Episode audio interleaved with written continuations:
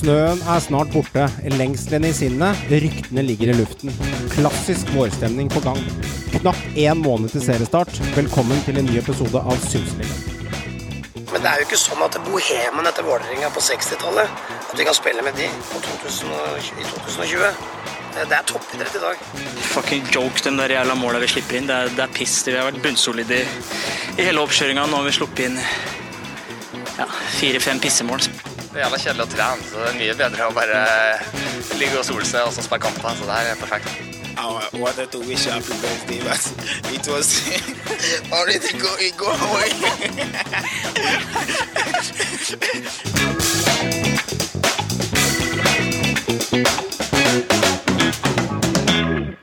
Yes, da er panelet samlet. Velkommen skal dere være alle sammen. Tom, Håvard, Meran og Joakim. Jeg starter med deg, Håvard. Eh, Klæbo mista et gull på oppløpssida, og da slo det meg plutselig i et lite øyeblikk at vet du, langrenn er ikke så lite populært som det egentlig skulle være. For mediene de begynte å skrive når, når vi fikk se egentlig den store interessen rundt denne skisporten vår. Altså, Det er jo ikke noe tvil om at eh, langrenn og eh, skisport er vanvittig stort i Norge. For er det én ting nordmenn liker, så er det at vi er gode i noe. Og eh, det er jo reint bord vi har gjort i dette VM-et her, bortsett fra selvfølgelig den litt sånn forsmedelige femmila nå, da. Jeg syns litt synd på Klæbu, for å være helt ærlig. Ja. Men nei, man skal ikke akkurat klage da, når, når Det er jo utklassing. Det er jo nærmest et NM med et par russere på si, liksom. Det, det, er jo nesten det det er blitt. Så det er jo litt skadelig for selve sporten, men jeg må innrømme, jeg mener ikke så hardt om dette her, for jeg er ikke Altså, Skisport er ikke helt min uh, cup of tea, selv om jeg syns det selvfølgelig er greit å få med meg ting, da. Nei, vi slipper å legge ut i det lange og det brede om åssen det blei. Det er jo fortsatt diskusjoner der etter at de har anka den inn. Men Joakim og Meran, hvordan har uken vært?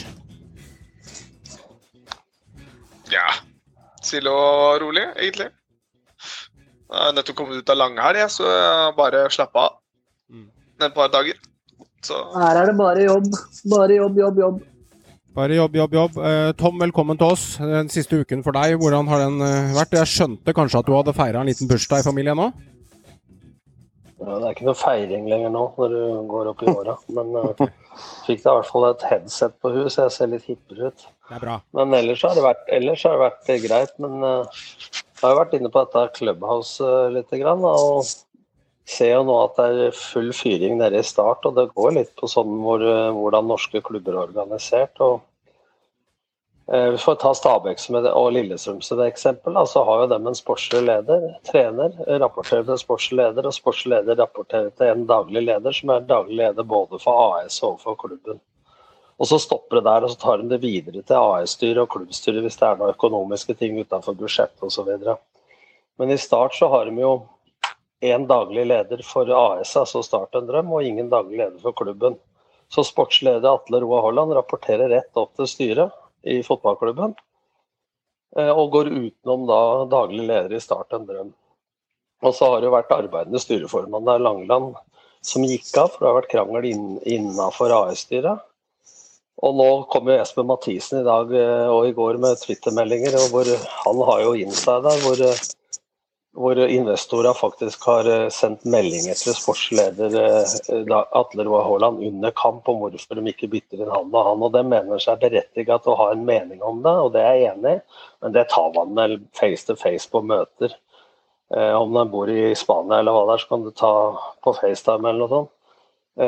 Og også å gjøre det midt under kamp er jo helt utrolig. Så nå var jeg inne på Clubhouse med, med Start-supporter og sånn der, så nå er det fullt rør nedpå der om uh, hvordan dette skal bli. og De ønsker nå å ha en felles daglig leder, men at det går an å gjøre en så enkel ting til så mye kål, det er uh, ganske fantastisk. Men dette var jeg med på i Vålerenga for uh, 21 år siden også. Så, så hvis ikke styrene har klar mandat om hvem som bestemmer hva, hvordan rapporteringslinjene er, så er det helt naturlig at de som spytter i penga, eh, gjerne vil mene noe. De skal selvsagt mene noe, men de må skjønne at fagkompetansen ikke er på fotball. Det er ikke der de har tjent pengene sine. skal jo sies at uh, I Norge er jo dette her veldig uvanlig, men uh, kommer du til andre ligaer og store, pengesterke ligaer, så er nettopp dette her ganske vanlig. At de som spytter inn spenn, har veldig mye sterke meninger inn mot lag, og kanskje Eh, altså Det er jo en grunn til at det, trenerhoder ruller òg. For det er jo eh, fader meg helt Texas i visse ligaer angående det at eh, de som spytter inn spenna, sitter og mener noe om laguttak osv. Eh, det er sikkert blitt bedre med åra, men altså, det er jo en kjent sak i utlandet i hvert fall. Kan jeg spørre Solskjær åssen det var i Cardiff? Ikke sant. Men, men jeg undres litt, da. Du, sier, du, du kjenner igjen fra den tiden du var i Vålerenga, Tom. Åssen det var da. Ja. Ja, og, og så eh, tar man Cardiff for en fire-fem år tilbake, og så har vi sett de andre tingene i flere norske klubber med tiden. Altså, Lærer man liksom ikke av hva andre har gjort før? Og feil? Jo, men altså, poenget er at klubba er avhengig av penga. Og når det, investorene da in- innimellom tror med at hvis de ikke gjør som vi sier, så blir det ikke noe penger osv. Så, videre. så man går jo på akkord med seg sjøl, men altså det blir jo nesten sånn at hvis ikke klubben har klare styringsmandater og ikke prostituerer seg, eh, så vil jo folk mene noe om hvem som skal spille høyreback. ikke sant? Det er dem som spytter i, i penga. Mens i Rosenborg så har du en modell hvor eh, etter rettssaken med Kåre så har det blitt nå at eh, treneren er den øverste sportslige ansvarlig, for da kan de legge alt trøkket på han ikke på Dorsino. Og det, men det normale er jo at du har en trener som enten er under sportslig leder og rapporterer til han, eller så er sportslig lederen sportslig administrativ og treneren på lik linje med han, og de rapporterer opp til en daglig leder som er felles for AS overfor klubben. Og så blander de kun inn styrene på begge sider ved ekstraordinære ting eh, hvor det er andre økonomiske ekstraposter osv. hvor de trenger eh, ting til. Så det er ikke noe vanskelig egentlig på papiret, men det går jo på personinteresser, eh, personligheter og, og mangel på klare mandater. Det som er litt rart da, i forhold til eh, mange av det som Håvard nevnte utenlandsklubber, er at der går jo gjerne på økonomi. Altså Der går det gjerne fordi at du har store spillere, som store navn, som skal inn for å skape penger i kassa. For et stort navn gir masse penger i kassa uansett om de spiller bra eller ikke, har ingenting å si så lenge de er der og selger fotballdrakter. Men det er klart, i Norge så er jo ikke dette noe tema. Altså Det er, ikke, det er ingen spillere i Eliteserien som selger to millioner drakter i året, liksom. Uh, Det er, det er ikke sånn det funker. Så det er liksom litt merkelig. er- De skal liksom blande seg veldig i det sportslige. da, fordi gjerne, som, ja, som sagt, I utlandet så har de gjerne en økonomisk interesse av at den og den spilleren spiller, at den og den spilleren kommer til klubben. Eh, Det kan man ikke skylde på i Norge. Så i Norge blir det litt mer sånn nei, ja, blir mer bare sånn innblanding. Bare fordi de har lyst, bare fordi de men det- føler at dette er riktig. da.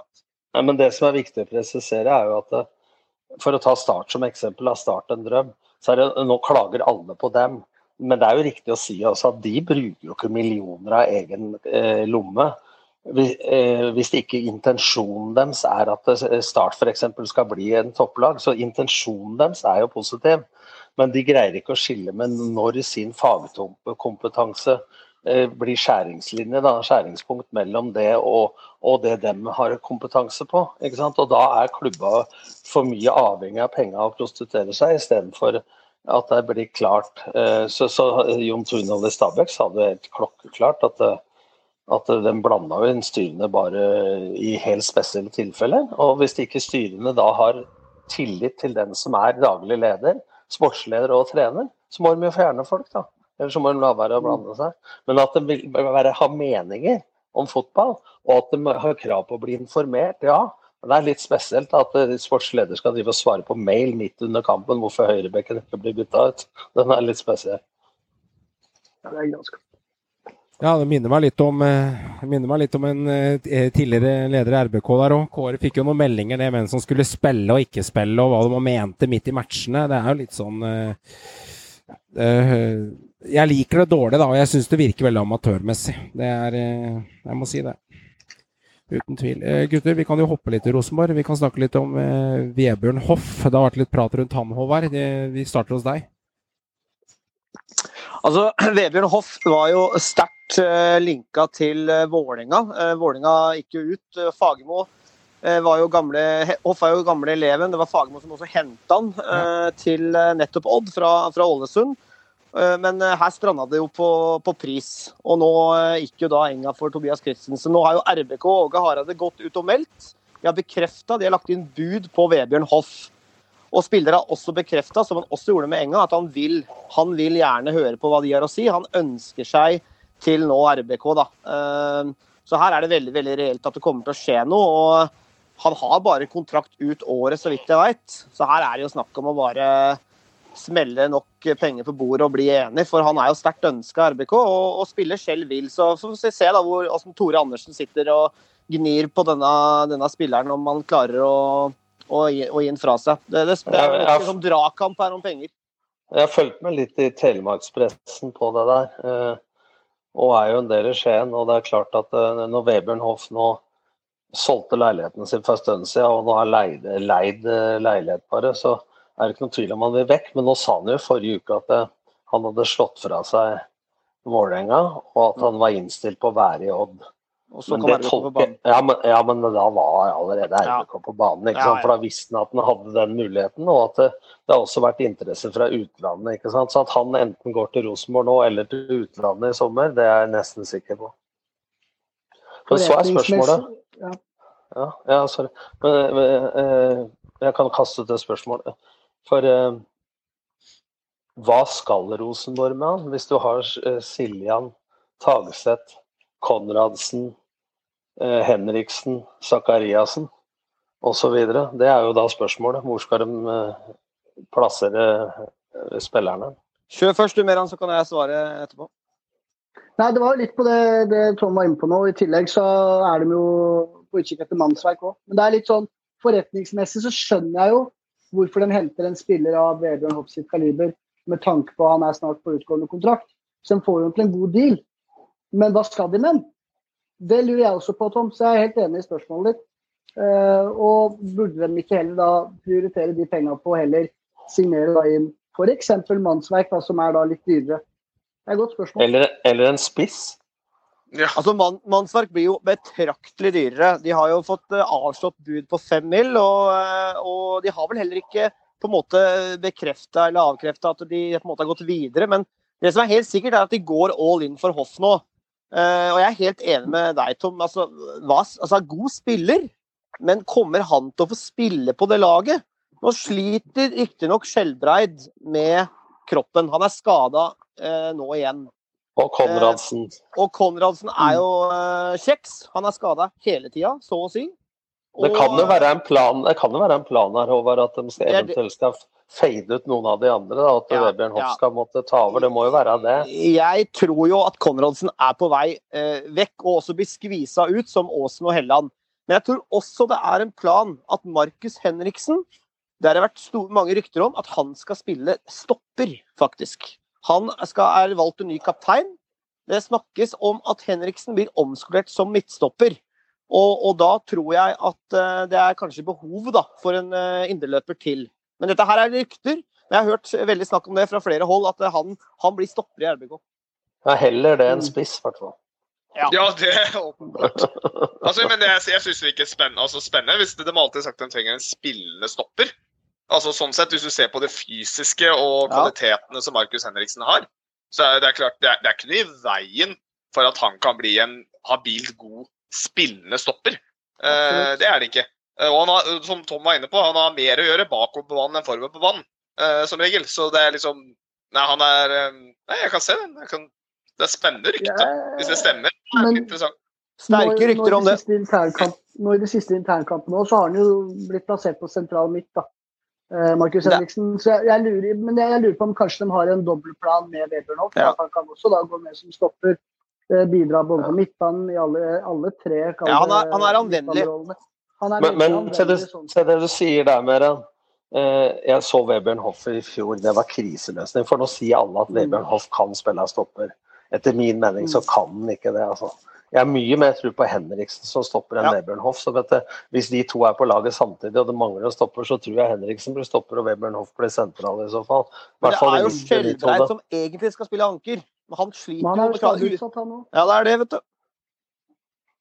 Men da har vi jo funnet ut hva de sannsynligvis skal med han. da. Kanskje han skal fases inn i det laget der. Konradsen usikker, Skjelbreid usikker, Henriksen eh, ergo litt usikker om han skal være på midtbanen. Og det er ikke så mange igjen på den midtbanen mm. der. Og da trenger de kanskje en spiller som Det er Tagseth, da. Ja, Tagesetten. Eh, enig, men klart han er litt uh, upolert og uferdig og har ikke så mange minutter i beina i Eliteserien i forhold til Hoff. Eh, Tom, hva får Rosenborg med Hoff? Hvor er styrkene hans, og hvor er svakheten hans? Nå mener jo jeg at eh, Hoff er enda bedre som indreløper enn han er som sentral. da. Så han blei jo, ble jo sentral først i Odd når de eh, Og det blei snakk om at Oldrup Jensen eh, ikke skulle leies ut mer til Odd og skulle til Vålerenga. ikke sant? Så, så blei han sentral. Og og når Filip Jørgensen, han unggutten på 18 år i Odd, eh, gjorde det bra på midten, så kunne de dytte Kaasa opp på kant og bruke Webern Hoss som indreløper. Men han er en god sentral midtbanespiller, men, men hittil så har han vært best som indreløper. Mm. Så om Rosenborg tenker han som anker, altså sekser eller åtter, det er jo ikke godt å si å krype inn i huet på, på han, men jeg syns de begynner å få vel mye midtbanespillere. Og så mangler de som sagt en stopper, og jeg mener de mangler i hvert fall en midtspiss. da. Jeg mener ikke holder med han uh, Widersen, Paul eller hva han heter, og han eh, Islamovic. Jeg mener Hvis de skal ha den målsetningen som de har oppå der, så mener jeg at det er der det skorter mest, faktisk. altså. Men hva, hva med Doff? Hva med Doff? Glemmer Han er bankers. Han er bankers. Han er bankers, Han er, bankers. Han, han er Men bankers som indreløper. han er bankers, like bankers som at du betaler eh, eh, vann og renovasjon på en enebolig. Han er bankers. Ja, men da begynner det å bli en del midtbanespillere. Men det var jo noen, spekulas det var noen spekulasjoner i, det i går eller i dag i pressen også om om det blei liksom uh, Hamren, altså 4-2-3-1. Og da er jo spørsmålet hvis de skal ha to sittende, da. Mm. Da, vil det, da lukter det vel fort Siljan eh, Henriksen sittende, eller Hoff, og med Zakariassen som tier. Mm. Ja. Så, men jeg mener Nei. han også, jeg mener han også Sakariassen er klart best som indreløper. Ja, helt enig. Helt Han, er, enig. han, han gjør jobben som kant. Han løper jo som en Duracell-kanin og gjør, har målpoeng. Men han er, jo, han er jo kanskje en av landets beste, altså her i Eliteserien, eh, beste indreløpere. Han er jo meget Han, god. han er ikke noe kantspiller i 4-3-3, syns jeg, da. Jeg er. Jeg er helt enig. Men han spilte jo spilte i hvert fall 70% indreløper i fjor, da, og han fikk med seg tosifra skåringer. òg. så Ja. han, han var en av de i Rosenborg-laget som faktisk fortjente kanskje å komme på årets lag i fjor i Eliteserien. Han er, han er klassespiller. Eneste, Han er liksom. klassespiller. Ja, ja, veldig god. Han, men altså, greia at det, det, det som er sånn, holdt jeg på å si, litt spennende nå, at det, det er jo ikke noen treningskamper. ikke sant? Så vi veit jo fader ikke hvor står laga. Åssen skal de se ut? Så det er jo på en måte helt sånn der Joker Nord, og åssen vil laga se ut? Angående, Vi veit jo ingenting. angående Joker Nord, Håvard, jeg fikk jo litt eh, sjokkopplevelse. da. Jeg var på butikken og handla melk og brød, og åpna, åpna Facebooken og kjekka litt på de brannforumene. Og så så jeg, du- jeg så for meg det søte ansiktet ditt bare riste på huet når en eller annen løkerul klarer å lire av seg 'Nå skal vi hente Doff hjem til Bergen'.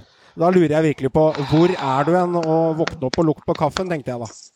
Ja, Da måtte jeg kommentere, for da skjønner du at du ikke følger med. Ja. Hvorfor i helvete skal Kristoffer Sakariassen gå til Brann? Han har jo ikke noe forhold til klubben engang. Det er en klubb som aldri satsa på han. Han liker jo ikke klubben engang. Jeg syns ikke, det er- jeg syns- jeg syns ikke det er verdt en setning engang, for det er, Nei, det er, det er bare tull. Det er det det skjer ikke. Da lo Literud. Åssen skal Brann få penger til å hente han? ja, ja, helt Altså, da, da Det er, det, vet du hva? Det er like dumt som at supporterformann Gjert Moldestad vil ha gress på Brann stadion, for sånn har det vært siden han var liten. Ja. Nå får det være grenser snart om supporterformen Men eh, skal stå i bresjen både for boikotter og for åssen det Ja. skal være gress på stadion. Supportere er viktig, altså, men fotballen er ikke til for supporterformann. Altså. Det er et godt poeng. og Veldig Få deg litt kompetanse før du skal mene om ting så jævla sterkt. Følg med litt, da. Ja. Altså Ikke bare men ting fra ræva. Jeg, jeg blir litt sånn flau av noen som fotballsupportere. Altså, vi er fotballsupportere, vi òg. Men det blir, det, du må faktisk klare å uh, tenke litt klart noen ganger, altså. Ok. Hvis sportslig, ledelse har sagt at det er best Kan alltid diskutere, for vil bare ta den ferdig. Så mener at hvis de først skal ha gress, så måtte de lagt en ny gressbane rett utenfor hovedstadion. Men hvis sportslig ledelse har vurdert det sånn pga. NTG som skal inn der, som jeg kjenner til, gjennom Øyvind Eide osv., og dem har vurdert det, så skal altså klubbens medlemmer pluss en eller annen supporterformann Fordi det var gress når han begynte å heie på Brann, da sier jeg bare god dag, altså heia Norge. Men den der, gress, den der gressdebatten, fy faen, den kan, jeg, den kan man mene mye om. Men altså, jeg syns generelt at supportere altså, har de litt for mye makt til tider, altså, i uh, disse klubba. Altså, blir det, det blir litt for mye tull og tøys sånn, altså. det er litt sånn dugnadsstemning. At, eh, Ja. at røsla bestemmer noen ganger. Føler det. Jeg syns, jeg syns det blir litt for mye av det gode, altså. Da har jeg fått kartlagt hvert fall hva kanskje Rosenborg skal bruke Vebjørn Hoff til. Spørsmålet har jo vært lufta litt der ute, og jeg undres selv, men jeg fikk et bra svar på det. Takk for det herlige svaret. Meran, en spiller som Stabæk sannsynligvis har en plan med, det er denne Sjala. Jeg liker han. Eh, Hvordan kan han bidra offensivt eh, for, eh, for Stabæk, og hva beriker han laget med i 2021? Først og fremst eh, sterkt håndverk av Bjarmann. Dette var jo en spiller vi var på før han signerte for Enga. Han var med oss på treningsleir og alt. Nå ble jo Kassi ute ut året, da. Så han er jo direkte erstattet for Kassi som står da for masse målpoeng når han spiller. Så jeg er utelukkende positiv til Sjala. Han kommer til å bidra med pondus, han kommer til å bidra med rutine, med erfaring. Men skal de, skal de spille, skal de spille 4-2-3-1, 4-4-2, eller hva blir formasjonen? Litt uvisst. Det er litt, jeg er egentlig veldig usikker. Det har vært mye variert. Men hva skal de bruke Sjala til? Skal de bruke en sentral? Nei, jeg tipper nok ti. Tieren. Ja, Hvis han spiller 4-2-3, da er jeg med. Men hvis han skal spille 4-4-2, så er jeg litt skeptisk både til kantrollen og til rein sittende sentral midtbane, for å si det sånn. Hvor hadde du brukt den, Tom, hvis det hadde vært Stavi vært Jønsson? Nei, men jeg hadde jo spilt 4-3-3, og da hadde han vært indreløper. Mm. Ja, ja. Det er jo bare høre det. Det er ikke sikkert alle som sitter og lytter, veit det, siden du stiller spørsmålet til Meran først. Ja, men altså, jeg, jeg, jeg, jeg syns Meran sier at det er en god, god, god jobb av Bjørnmann, Men, ja, for det er en bra spiller. Men det jeg mente litt mellom linjene med spørsmålet mitt, er at eh, hvilke rolleferdigheter har Sjala i forhold til den rollen de har tenkt til å bruke den i Stabæk? Det, det, er det eh, hadde vi fått vite litt gjennom treningskamper osv., og, så og det har jeg ikke sett vært eh, på en måte meddelt noe gjennom media. Da, ikke sant? Så, det er det vi kommer til. fordi Stabæk i fjor, da, vi har gått litt bort fra 4-4-2. I fjor spilte vi utelukkende 4-2-3-1 og 4-3-3. Så, så, jeg ser for meg indreløper indre eller tier uh, for Sjala i år. Og han kommer til å bidra med mye pondus. Uh, for den, da er, den da er en lur signering. Definitivt. Da er en bra signering. Så må du ikke glemme det at du faktisk har en spiller med litt uh, erfaring da, som kan dra noe inn til det laget her. Altså, det er et lag bestående stort sett av 20-åringer.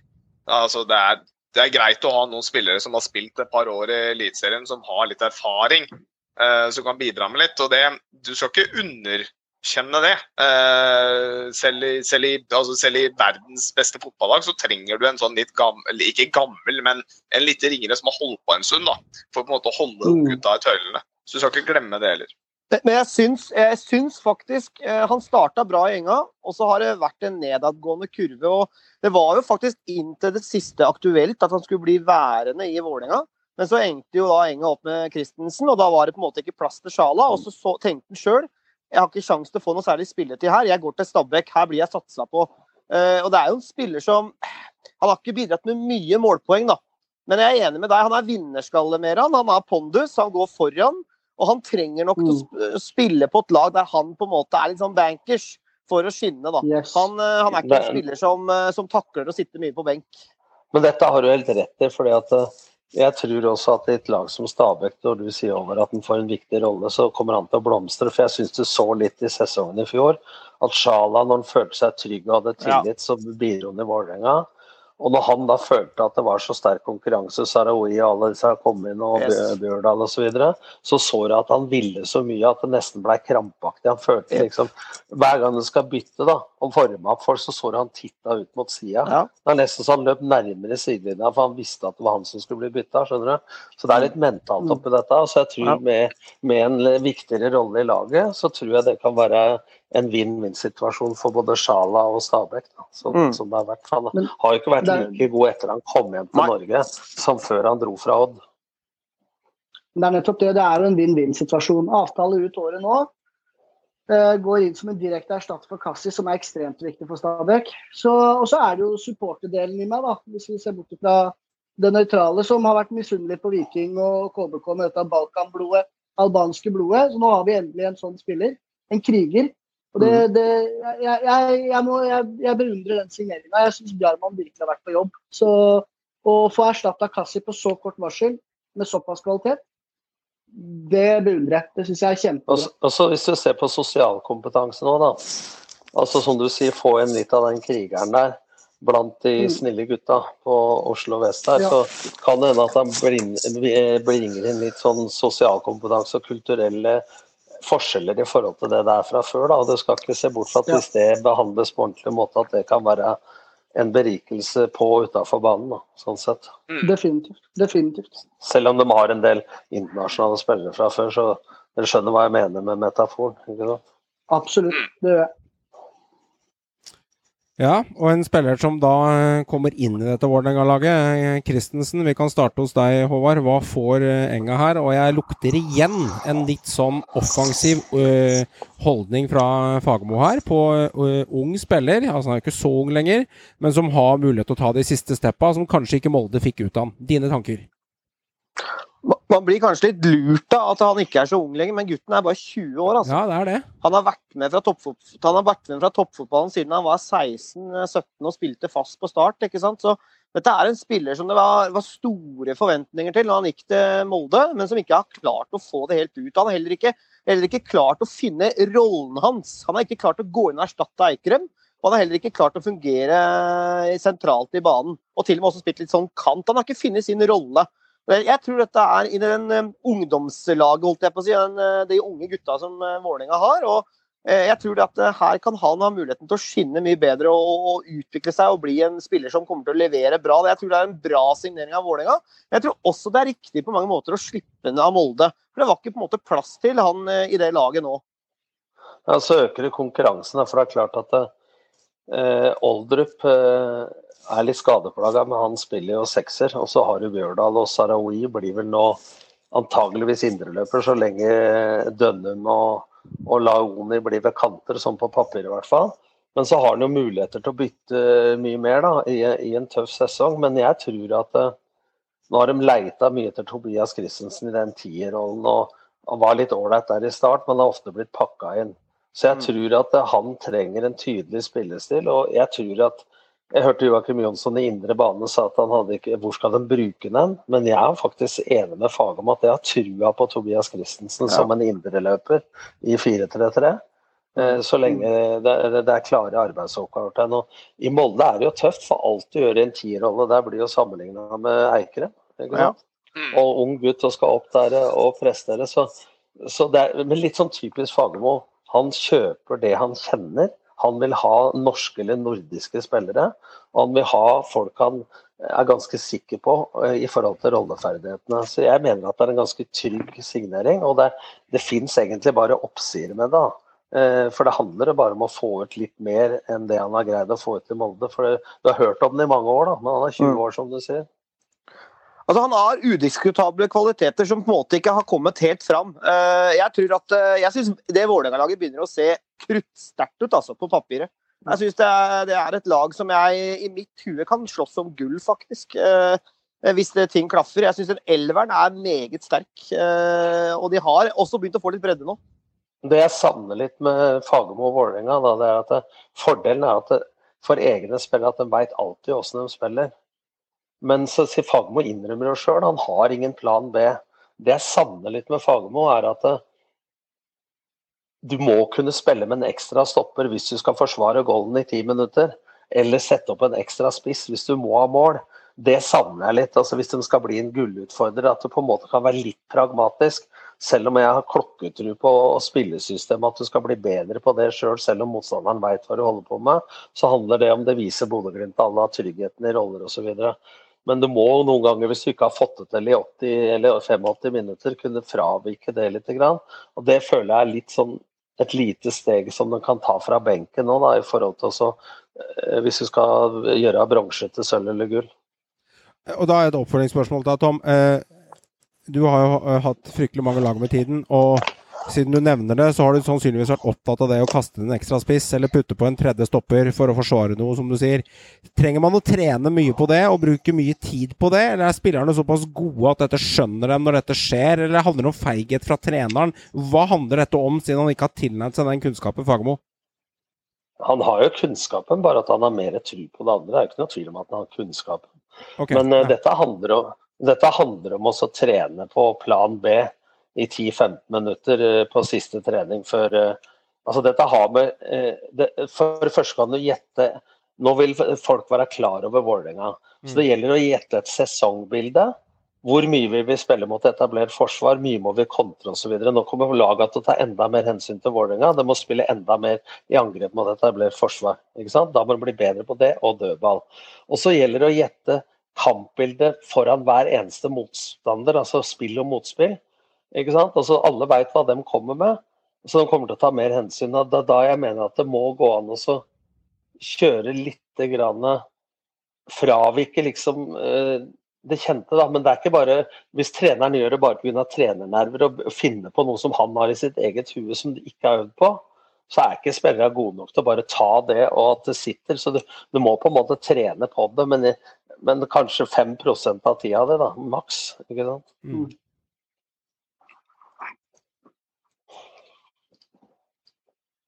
Så jeg er ikke i tvil om at han har kunnskapen, men han velger bare ikke å prioritere. Og det er jeg litt uenig i, sånn faglig sett. Mm. Hadde du innspill der, eh, Håvard? Jeg skulle bare skyte inn at nå har de jo en uh, veldig sterk uh, altså På papiret i hvert fall, en veldig spennende spiss i Udal, som har bøtta inn mål i Obos, og som er uh, Enga-produkt. Og som i de få treningskampene som har vært, har faktisk skåra litt mål og, og, kan puste da, Kjartansson i nakken. Og også muligheten, da, som Tom sier, til å kanskje altså Hvis han kan tilpasse det, putter en ekstra spiss. da, for jeg tror at eh, får Udal servert baller i boks Han er en sånn typisk Fox in the box-spiller. Og hvis han får mye baller å jobbe med fra Lajoni og Dønnem, så kan det bli mye mål. Det kan det. Eh, Joakim, kast deg gjerne på i den diskusjonen her. Eh, har du noen tanker rundt Christensen, eller en spiller du ikke har helt hatt på radaren? Jeg undres litt, faktisk. Du sitter, og, du sitter der pen og søt, men du, du, er ikke med her nå? Jeg vil ha deg med. Nei, Nei, altså for min del så er jeg egentlig bare enig i mye av det som har blitt sagt. Eh, jeg tror rett og slett han bare sleit i Molde pga. rett og slett på grunn av laget han måtte spille seg inn i, og hvem han måtte konkurrere med på laget.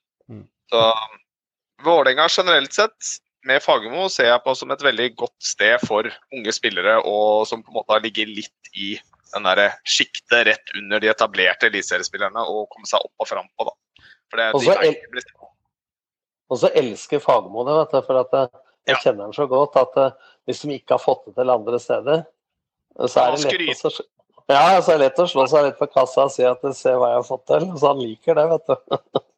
Absolutt. Men i løpet av høsten og eh, i hvert fall høsten og de første sju-åtte programmene, Joakim, så har jeg enset at du og jeg har vært veldig skeptisk til Vålerenga. Har vært ganske like på det i flere år. Men jeg også snur litt på eh, eh, holdningen min til Enga. Eh, jeg lukter at du gjør det samme, eller, eller lukter jeg det gærent her? For du har også vært litt mer positiv ut fra det som skjer nå? Nå? Nå, var vel jeg kanskje en av oss, hvis jeg ikke husker helt feil, som var den mest positive tinga før fjorårssesongen. Ja, du, du, har kommet deg veldig der, men tidligere har du vært litt kritisk. da. Jeg har hengt lenge igjen. Men en, altså, Enga havner på sjuendeplass. Det er jo sånn vi har bestemt. Ja, det er det, det er sånn, nei, liksom, ja. Uansett hvordan, det, uansett hvordan lagene var den startsesongen, så havner ja. på sjuendeplass. Ja. Uh, men nei, Enga har hatt en veldig positiv fremvekst, og jeg syns fjoråret var veldig bra. Altså, det, det var litt sånn småtreigt, men så begynte de å få skikkelig fart på slutten. Og fikk inn uh, Bjørndal bl.a. Fikk inn noen viktige spillere.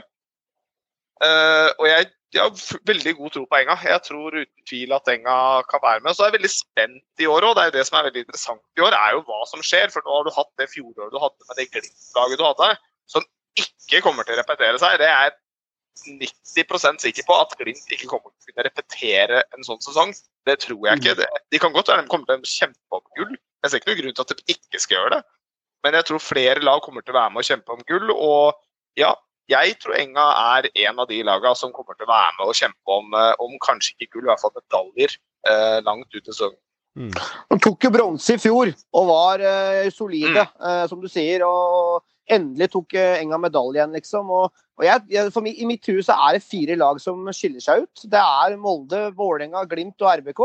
Det er de fire, mm. de fire store på en måte nå, og bak der mm. kan det bli bøttejevnt. Men jeg er veldig sikker på at det er en av de fire lagene der som tar for å si det sånn, de kommer til å slåss om medaljer. Og, og de andre bak har ikke sjans, tror jeg. Jeg vil tippe tre av de tar medaljer. At Vålerenga ikke tapte hjemme i fjor. Det er litt sånn at altså Lillestrøm, Vålerenga, Rosenborg, Brann og sånn har blitt veldig hylla for at de har veldig gode supportere. Men uh, jeg har jo kjennskap til Vålerenga gamle da sjøl òg. De, kaller seg for Vålerengas tolvte mann. Men det er ingen tvil om at hvis ikke ting glir, så er det ofte for mange spillere et press å spille for Vålerenga. på hjemmebane, når de begynner å pipe og blø for drakt og alt det der. Så, så ved siden av spillestilen eh, videre fra Ronny eh, har vært eh, litt mer klar og tydelig, mens Ronny var litt mer eh, fleksibel. Eh, sammen med at det ikke har vært tilskuere. Og, og blandinga av satsing på de unge, riktige spillerne med å kjøpe utenifra fra ei høyere hylle enn før, og ikke kjøpe så mange, de tinga der til sammen tror jeg gjorde at Vålerenga på en måte tok det steget fra nummer sju, som Joakim sier, da, til, til medalje. Og så viser de jo også at den der talentfokuset, altså fokus på egne utvikla spillere, det lønner seg. De har jo fått fram flere nå de siste åra, og, og nå i år kanskje vi får se han godeste Jatta. At han også tar steget. ikke sant? Og, og Saroui, herregud for en spennende spiller. En av de mest spennende spillerne i hele ligaen. Absolutt. Og, og, nå, og nå kommer det flere andre unggutter. Så det er jo, er jo et meget spennende lag. Det er jo bare å se på hva de har i stallen sin. Så skjønner du jo at det, det, det er et lag med kvaliteter. Men det vil overraske meg hvis Jata Jatta allerede i år får mye tid. For at det er ingen tvil om at det er et råtalent, men der snakker vi om Det er trolldeig, altså, så man må få lov å forme litt uh, Ja. over tid. Men jeg skal ikke sette han i ovnen i morgen, for å si det sånn. eh, For å støpe den ferdig. Jeg tror på en måte at det, det han, han trenger både struktur hva toppfotball er, både hva som kreves eh, av kosthold, disiplin, treningsgrunnlag osv. med at råtalentet er der. Det er altså en råvare som Hellstrøm kan lage god mat av. Det er ikke noe kvist. Eh, Men, eh, men jeg tror det kan ta litt lengre tid med Jata. Selv om han nå skårte og liksom folk hauser det opp, så tror jeg at eh, man skal være litt tålmodig med han. da. Selv om jeg støtter poenget ditt med de unge spillerne. Det var det som liksom var poenget, at de får så mye egenprodusert fram nå. Så må vi ikke glemme Tiago Holm, da. Herregud, for et altså Det er en meget spennende spiller. Nå har riktignok vært han uheldig og blitt skada, men der har de jo potensielt potensiell eh, altså stort salg til utlandet, tror jeg. Altså Han skrytes jo opp i skyene, Tiago Holm, og han har jo kvaliteter. Det så vi allerede litt i fjor. eh, Og, og nå har de da henta Christensen inn da som eh, med enda større bredde i stallen sin nå. Så Men verken, ver- men verken Jatta eller Tiago Holm er jo egenprodusert. Altså, for det Nei er jo Nei da. en trønder, Men, eh, og han, han Jatta er jo, er jo Skeid-spiller, selv om han er Oslo-gutt. Så, så de har jo hatt den bare i andredivisjon i fjor, liksom. Så de er, det er ikke så mye de har liksom rekke gjort med den, da, men at de kan gjøre mye med den i, i framtida, det er jeg sikker på. men de henter ungt og utvikler det videre, ikke sant? Det blir- for mye, for mye skryt av Vålerenga. Altså. Jeg å, dere selger det til meg også. Jeg er enig med dere. Nå må vi, få, eh, nå må vi begynne å prate dem litt ned, Joakim, slik at det blir sjuendeplass her. Og dunker dem ned. Det er ingen, ingen hemmelighet. De kommer til å være med helt der oppe. De, er, eh, de har mye bra på gang og mye spennende spillere. Jeg føler liksom at mange av spillerne ligger i vannskorpa til å ta det neste steget, mens andre klubber der oppe har spillere som er på vei ut av vannskorpa. Min egen klubb blant annet, om de har kanskje en nedadgående kurv. Og det er liksom det som gjør målinga mest imponerende, faktisk. Veldig bra. Ja, altså, men, men du skal se på Vålerenga for å avslutte det, da. Mm. At det er også så mye talenter, som uh, Fagermo sier. At vi hører ikke så mye av dem som ikke kommer gjennom nåløyet. Du har en Brede Sandmoen som har vært bra i Obos osv., som ble enige om å terminere kontrakta. Så det er klart at han har mange flere å ta uh, i antall enn det det var i, i Telemark. Og, og nåløyet er enda trangere, på en måte. da, ikke sant? Sånn at det, det blir jo også at Vålerenga på en måte produserer en del spillere til uh, til andre klubber rundt på Østlandet, da, som uh, f.eks. Obos-klubber osv.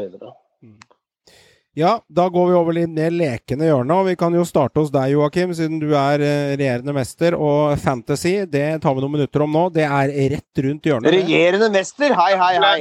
Håvard, Håvard. Håvard, det- det var humor for å få deg til å eh, kaste deg på. Du, Ja, jeg må se om du følger med her, altså. du avslutter Er, det nå. jeg er det nå jeg skal ta en tur på dass, eller? Nei, det er nå vi skal utfordre deg, Tom, på å ha lag i 2021. Det er det, det, Nei, Ja, du må være med. ja, det, er det vi Nei, gjør. nei, nei. Håvard, det var rett Nå og får vi slett se hvor høyt opp du kommer på lista, Tom. Jeg har i hvert fall vært ordentlig trener noen år. Jeg skal ikke begynne det. Jeg er lei av den, jeg er lei av den kommentaren. Altså, ordentlig trener og leketrener. Men det er jo morsom, den. Det er sant, det. Nei, Håvard, det var bare for å provosere deg, Håvard, med troverdighet. Du vant Ja, i fjor, Håvard, bra. med 1995 poeng. Eh, Du var fem poeng unna 2000. Du skulle gjort to mindre bytter, så hadde du krypa 2000 poeng. Så det er sterkt levert. Men Synseligaen lever videre eh, som, eh, som eh, egen eh, liga på, eh, på Fantasy. Og eh, den gruppa har jeg nå Altså, jeg har gjort en sånn rikjøring, så de som har lyst til å melde seg inn der nå, av lyttere som ikke var med i fjor, kan gå inn med kode TX9. NXW. TX9 NXW. Og så kan vi som har lyst til å leike trenere, eh, gå inn der og registrere lag, og de har vel åpnet opp litt allerede. Håvard, eh, hva skal du gjøre eh, om alltid forbedre seg, vet du? Det er vanskelig å forbedre seg når man er en vinner på toppen med heder og ære og flagg, selv om du havna på en 7.-8.-plass versus de andre der. Hva skal du gjøre annerledes i år, Håvard, for å forsvare dette her? For nå kommer en okse bakfra som skal prøve å endre seg litt. Altså, jeg skal gjøre det jeg gjorde i fjor, bare enda bedre. Og så skal jeg gå for, og så skal jeg gå for tre, på, tre, tre på rad her. Det er jo selvfølgelig målet mitt. Og Mm. det viktigste er jo å slå dere internt i Synseligaen. Det er jo ikke noe tvil om det. Det er det aller viktigste. Eh, Og så håper jeg selvfølgelig å krype enda litt oppover i totalen. Da. Så gleder meg til en ny fantasy-sesong, altså. Det er stas, det. Men Håvard, Håvard, det var vel ikke akkurat Champions League du vant? Jo, jo. Men, men Håvard, hvis du starter med deg på toppen, da. Hvis du tenker tilbake på fjoråret ditt Jeg er ikke så opptatt av hvem du skal velge som spiller og så, for de kommer ved siden. Men gjorde det bra i fjor. Eh, hva var det du eh, gjorde som ikke var bra, hvis du ser med kritiske øyne for din egen del, selv om du vant? Hva kunne du gjort annerledes som gjør at du mista litt Altså, jeg har lært meg eh, en eh, ting eh, Det er jo veldig enkelt, men det er jo veldig veldig viktig å treffe på kaptein. Og eh, en del runder bomma jeg mye på kapteinsvalg, eh, bl.a. på spissvalg. Og da du, du bommer også på den, da, og, og har ikke kaptein på f.eks. en spiss som bøtter inn mål, så, eller, eller en poeng, poengplukker. Så eh, det er ekstremt viktig å treffe der. Og så må du selvfølgelig treffe på de chipene når du velger å bruke de. Da, da må du treffe når du velger å bruke spiss rush, ikke sant? så må du treffe bra. Det kan gi deg potensielt veldig veldig mange ekstra poeng. Og så må du selvfølgelig følge med i timen. Du må få med deg hvem som faktisk kan spille og ikke spiller.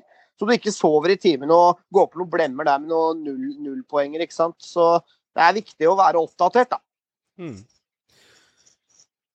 Meran, eh, vi hopper om meg i første gang. Vi tar deg i panelet her. Du lå jo bak leksa lenge. Eh, jeg må jo skjerpe meg på alle punktene, eh, som Håvard oppsummerte her. Men for din egen del, hva tenker du? Jeg starta jo bra, og så dabba det av. Uh, Surra mye, litt feilvalg. Innimellom glemte å fikse laget. Litt sånne ting. Litt slurv. Eh, men for meg så er fantasy bare gøy. Du skal spille for å ha det gøy, og så er det viktigste å ikke tape. Havne på side én, ikke Mm. side to. Eh, og ikke komme på sisteplass. Og så er det alltid gøy å se hvem som vinner, da. Det, Det var voldsomt, det var voldsomt offensiv innstilling da. Viktigste ikke Ja, tape og ikke komme sist. Skjerp Skjerp Ja, det er det viktigste. Du, Altså, spiller ikke du alltid for å vinne, Meran? Dette er for noe defensive fokus? Nei, men altså, jeg vil jo vinne. Selvfølgelig. Selvfølgelig. Høran, jeg skulle likt å høre deg hvis eh, Janne Jønsson kom med den innstillinga der, og du var supporter. Janne Jønsson er gammel ringrev, vet du. Men, men nei, nei, altså Jeg, har- jeg veit hva jeg skal gjøre. Altså, jeg veit hva jeg ikke skal gjøre i forhold til feil jeg gjorde i fjor. Og jeg kommer til å være mye bedre i år. Det, det er ikke noen tvil om. Joakim, du ser ut som du har lyst til å kaste deg på her. Altså, det er to ting jeg skal gjøre i år som uh, sikrer at uh, som jeg, Hvis jeg hadde gjort det i fjor, så hadde jeg vunnet hele skiten. Det er én jeg skal drite i Molde-spillere. Mm. Fordi det, det er hver gang jeg putta Molde-spillere på laget, med noen hederlige unntak av James, uh, som dro inn litt poeng i ny og ne, så tror jeg jeg aldri fikk mer enn seks poeng på en eneste Molde-spiller, tror jeg. eh, en eneste runde. Og nummer to er å ikke ha spillere på et lag som blir utsatt for korona. Det er de to tingene jeg skal, som jeg skal sikre meg for i år. Og når det går gjennom, så, så vinner jeg dette her. Så det går fint, det. Det er er å, bare å det er ikke så lett å forutse nummer to der, da. Det med korona. Nei. Er det, er, eh, det- det er det noe det er- odds? det er jo de to tingene. Det er jo spesielt den e- Det er jo to runder som tok knekket på meg i fjor, og det var når Odd gikk eh, ut i koronakarantene og jeg hadde spillere som ikke spilte en eneste jeg pleier ikke å spille på oddsen, Joakim. Men i år altså, hadde jeg hatt noen kroner, så skal jeg sette av kronene mine på fantasy og quiz på Joakim. Oi! Ja, da, da Da får du god, ut, da får du da god taper du utbetaling på den quizen, tror jeg. Da taper du penger. Fantasy, Nei, nei, nei. Eh, Fantasy vil jeg ikke interessert odds på den. La sist da, er- Joakim, bare for å ta den, for å skyte. Når du bomma, så traff jeg noe jævlig, så Ja, Du hadde jo en fin, du hadde jo en fin ledelse der, men så spiste jeg deg inn. Jeg Ja, det, er trua. Joakim. det er ikke rart det når jeg får en runde med 30 poeng, vet du. Det sier jo seg selv. Hvor hele benken min, hele benken min spilte ikke. Satt i karantene, ikke sant. Nei, så det er egentlig de to tingene jeg skal fokusere på. Drit i Molde og drit i korona. Det er min strategi for 2021. Ja, eh, kan jo si hva jeg kanskje har tenkt å gjøre. Jeg tror jeg har tenkt å drite i Molde, eh, som du sier. Eh, jeg har også kanskje tenkt å drite litt i Rosenborg, for det koster så mye. Og leverer så lite. Så må du komme deg på side én, da. Du må komme deg på side én i år. ja, men nå, nå, nå er det ikke dissens, eh, dissens eh, dans her nå. Altså, Vi skjønner hvor ubrukelig jeg var. Nå må jeg få snakke om eh, åssen jeg skal komme meg vekk fra bunnstriden. Så la meg få tilliten nå. Eh, det er det ene. Og så tror jeg jeg skal kjøre med kanskje én eh, dyr spiss og resten billigspisser, så han går som target hele sesongen der. Sjekk da én å bytte inn og ut. Så hvis eh, Kjartan sånn er en dyre i to-tre runder, så kan jeg putte f.eks. Eh, Bamba eller Junkeren inn i runden etterpå, så istedenfor å ha for mange dyre. Og så tror jeg jeg kjører mye av kampen i midtbaneleddet, og kjører en sterkere midtbane i år. Det er de tre tingene jeg kjører. Så får vi se hvor langt jeg når for meg, altså. Så, men at jeg må opp og danse, det må jeg. Jeg har én uh, totalseier for eh, tre og fire år tilbake. Meran, du er vel eneste som ikke har vunnet uh, totally gjennom et helt år? Er det ikke sånn å forstå? Det kommer i år. Det kommer i år, ja. Blir Ok, det ja, bra. Det blir spennende. Det er bra det er, bra, det er, bra det er fantasy og ikke real life, dette her. Ja, ja, ja. Før jeg går videre, Tom, så kan du gi sette dem uten at du utdyper, men hvor stor prosent sjanse 1 til 100, hvis 1 er helt uaktuelt og 100 det er spot on, er det for at eh, vi kommer til å se et synseligalag lag med fantasy fra deg i år? 1 til 100? Én. Ok, det var én. Det er ikke vits i, kjære lytter, å mase om det, for vi har nemlig fått noen henvendelser fra noen lyttere som lurer på om du kan sette opp lag. Men da har du svart på det, at det er en ener, og da lar vi den ligge der. Hei sann, det er Lars Jørgen Salvesen fra Godset her. Nå er det tid for quiz, gutter. Spiss ørene, gjør dere klare. Nå skal det kjempes om poeng. Da spilte jeg quizmelodien, gutter, med Salvesen, og da betyr det at da er det rett på quizen før vi kommer til de to store temaene til slutt i dag. Vi skal gjennom Ståle og landslaget, Ai, ai, og vi skal ai, ai. gjennom Qatar i dag, og vi skal også gjennom Sørlåten Sørlotten for deg som henger med, og der er det mye meninger. Men i mellomtiden her så kjører vi en liten runde med quiz fra forrige uke. Er du spent på hva åssen det ligger an? Ja, det er jeg spent på, faktisk. Ja, det er du, ja. Skal vi se her. Nå har jeg summert opp her, da, og jeg må jo si at Meran, du ligger på eh, altså tredje, Meran, med 29 poeng. Mm. Og så har vi Håvard med 32. Og så har vi Joakim med 32. Der ser du, Joakim. Så Men, eh, eh, det er 32 Joakim er med og danser, vet du. Han er Ja, med og ja. danser i år. Det er det. Så skal jeg få opp, få opp uh, den på en fin måte, så jeg kan lese. Da får dere bli enige da, hvem som skal starte og avslutte og alt sammen. Det er det dere som driver med. Det har Nå- ikke jeg noe i mening om. Nå hører vi deg dårlig, Håvard. Ja, jeg får uh, prate Jeg måtte lade litt her. Det er helt i orden. det er helt i orden. Da gjør vi det veldig enkelt. Da tar Håvard til slutt, da, siden han må lade litt. Og så får dere krangle om første eller andre. Jeg kan Jeg må- begynne, jeg. Jeg må få sjansen hvis folk bommer. Ja, det er greit. Eh, Meran, skulle du begynne? Jeg kan godt begynne, ja. Greit. Da blir det Meran i dag. Og så Joakim, vi gjør jo ingenting om noen starter to ganger på rad og sånn. Vi er ikke så nøye her. Det er dere som avgjør dette her. Men siden Håvard trengte litt strøm, så lar vi han ligge og godgjøre seg litt der. Greit. Da er det normalt som vanlig fleip eller fakta ett poeng, og så er det svar skyldig fra én til fem, der man satser poeng på spørsmålene som kommer. Og spørsmålene er satt, så det vil si at eh, dere får et hint som tidligere. Da kjører vi, og eh, Meran, da er det fleip eller fakta. Eh, Er du klar? Jeg er klar. TV 2 og NRK delte rettighetene på tippeligakampene før Discovery tok over. Fleip. Det er riktig. NRK hadde tilgang til cup, men ikke eliteserie. Spørsmål to. Fitim Asemi hadde sin beste sesong i Bodø-Glimt. Og dette var i 2014. Vi snakker i norsk fotball nå, da. Fakta. Tom, har du lyst til å kjøre der? Han, Det må, han tok nei, feil. det må, Det må være seinere enn 2014. Hva resonnerer du deg fram til? Du skal få muligheten på alle som tar feil. Det er feil, Meran. 16. Feil på Meran, korrekt på Tom. Kenneth Høie Det er korrekt, Tom. Eh, Kenneth Høie har én landskamp for Norge. Å, gamle Ja, det er eh, Det er fakta. Det er ikke lurespørsmål, mener du? Nei, det er fakta. Nei, vet du, Kenneth Høie Nå, er du, nå kødder du, vet du. Jeg, Du, tenkte, du, tenkte, du, tenkte på Bent Høie, du nå. Nei, jeg tenkte på den gamle startkeeperen.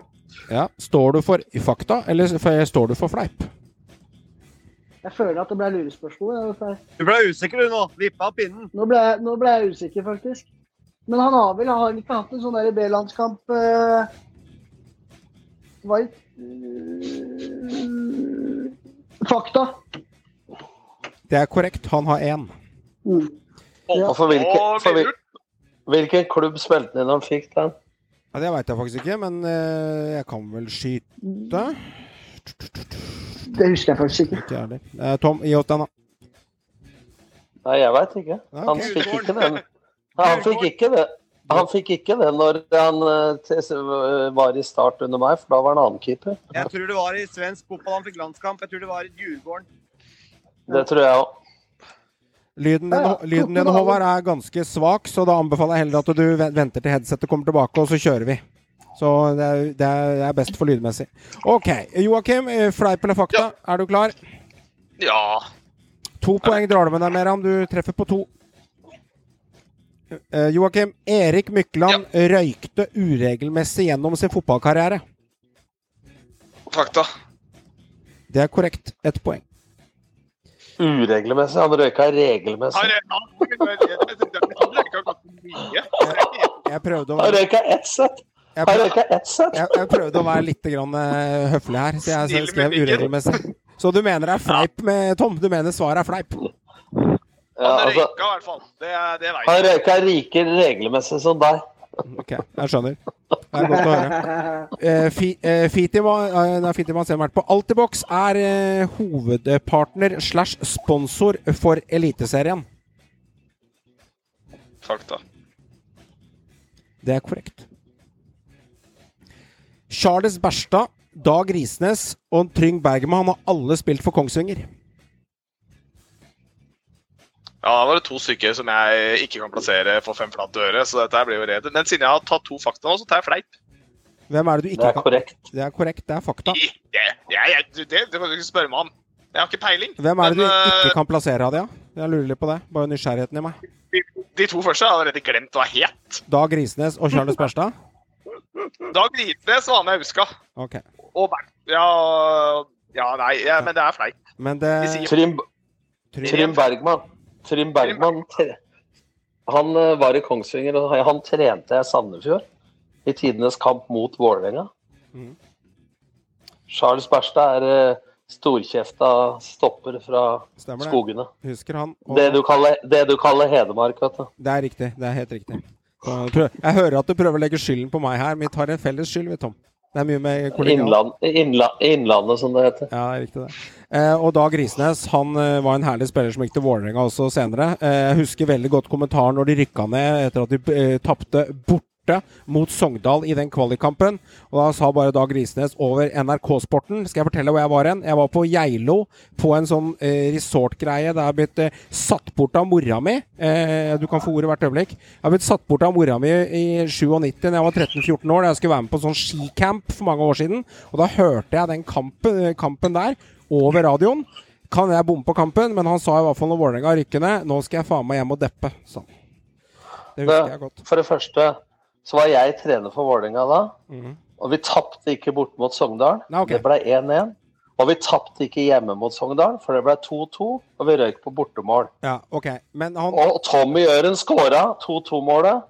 For Kjetil Rekdal skulle marke den, og det ga han faen i. Der så tok han jobben min. ja, Greit, helt i orden. Men jeg husker kommentaren til Dag Risnes. Det husker jeg. Det husker jeg veldig godt. Og det var tre fakta du skulle svart, svart Joakim, men du endte der, med, endte der med Du fikk to poeng, da, så er ikke så verst, det. Nei. Jeg, Nei, tr- hva- jeg, tror- jo, Johan, du må ringe meg før disse Du må ringe meg før disse quiza. Hvis ikke så blir jeg djevelens advokat i dag òg. Jeg trenger vel ikke å ringe deg hvis svaret er fakta her. Du bomma på noe, du sier fleip, eh, Joakim, gjorde du ikke det? Ja, jo, jo, jo. Jo. Men tre fakta, det syns jeg var stusslige greier. Jeg kjørte tre fakta på deg, og du prøvde å. Prøvde å lure meg. det var du. 50 Ja. det var 50-50, så Fy fader, Tom. Jeg ler av deg. Kjør, kjør. Johan. Kjør! Kjør! Kjør med Pepsi Max. Eh, Håvard, Håvard er, du, er du klar nå? Jeg er klar. Da er du klar. Der gutta har dratt i gang to poeng. Det er opp til deg. Eh, når Philip Kiss var i norsk fotball eh, sist gang, så spilte han for Haugesund. Fakta. Det er korrekt. Mika Lusti var en venstrebeint spiller. Fleip.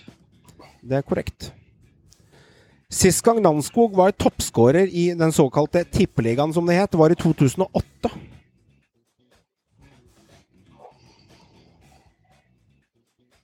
Mm, mm. Sist gang Det er viktig å Ja. legge meg til spørsmålet. Sist gang han var toppskårer.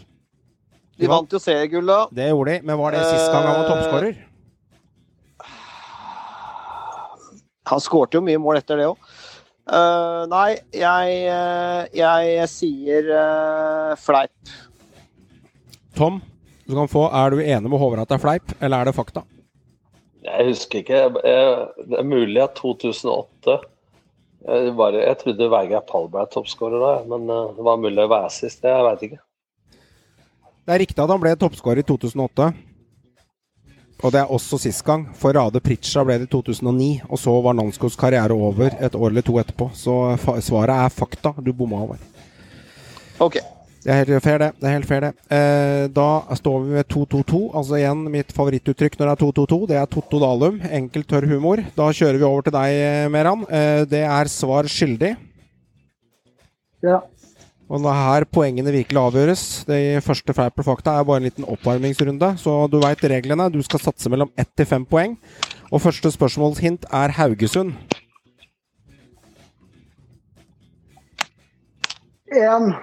Du kjører ener. Ok. Legger jeg én der. Eh, Haugesund. Hvilket år spilte Haugesund sin første kamp i Europacupen? Etter at de hadde kvalifisert seg. Og det tok én. Kan du gjenta spørsmålet igjen? Hvilket, Hvilket år år spilte Haugesund sin første kamp i Europacupen? De kvalifiserte seg et år fra Europacupen, og så får de et lag i Europacupen året etterpå, selvfølgelig. Og hvilket år var det de møtte sitt første lag? Det er jo ganske fersk klubb. Vet. Ja, det er det. Jeg prøver, å, det står stille her.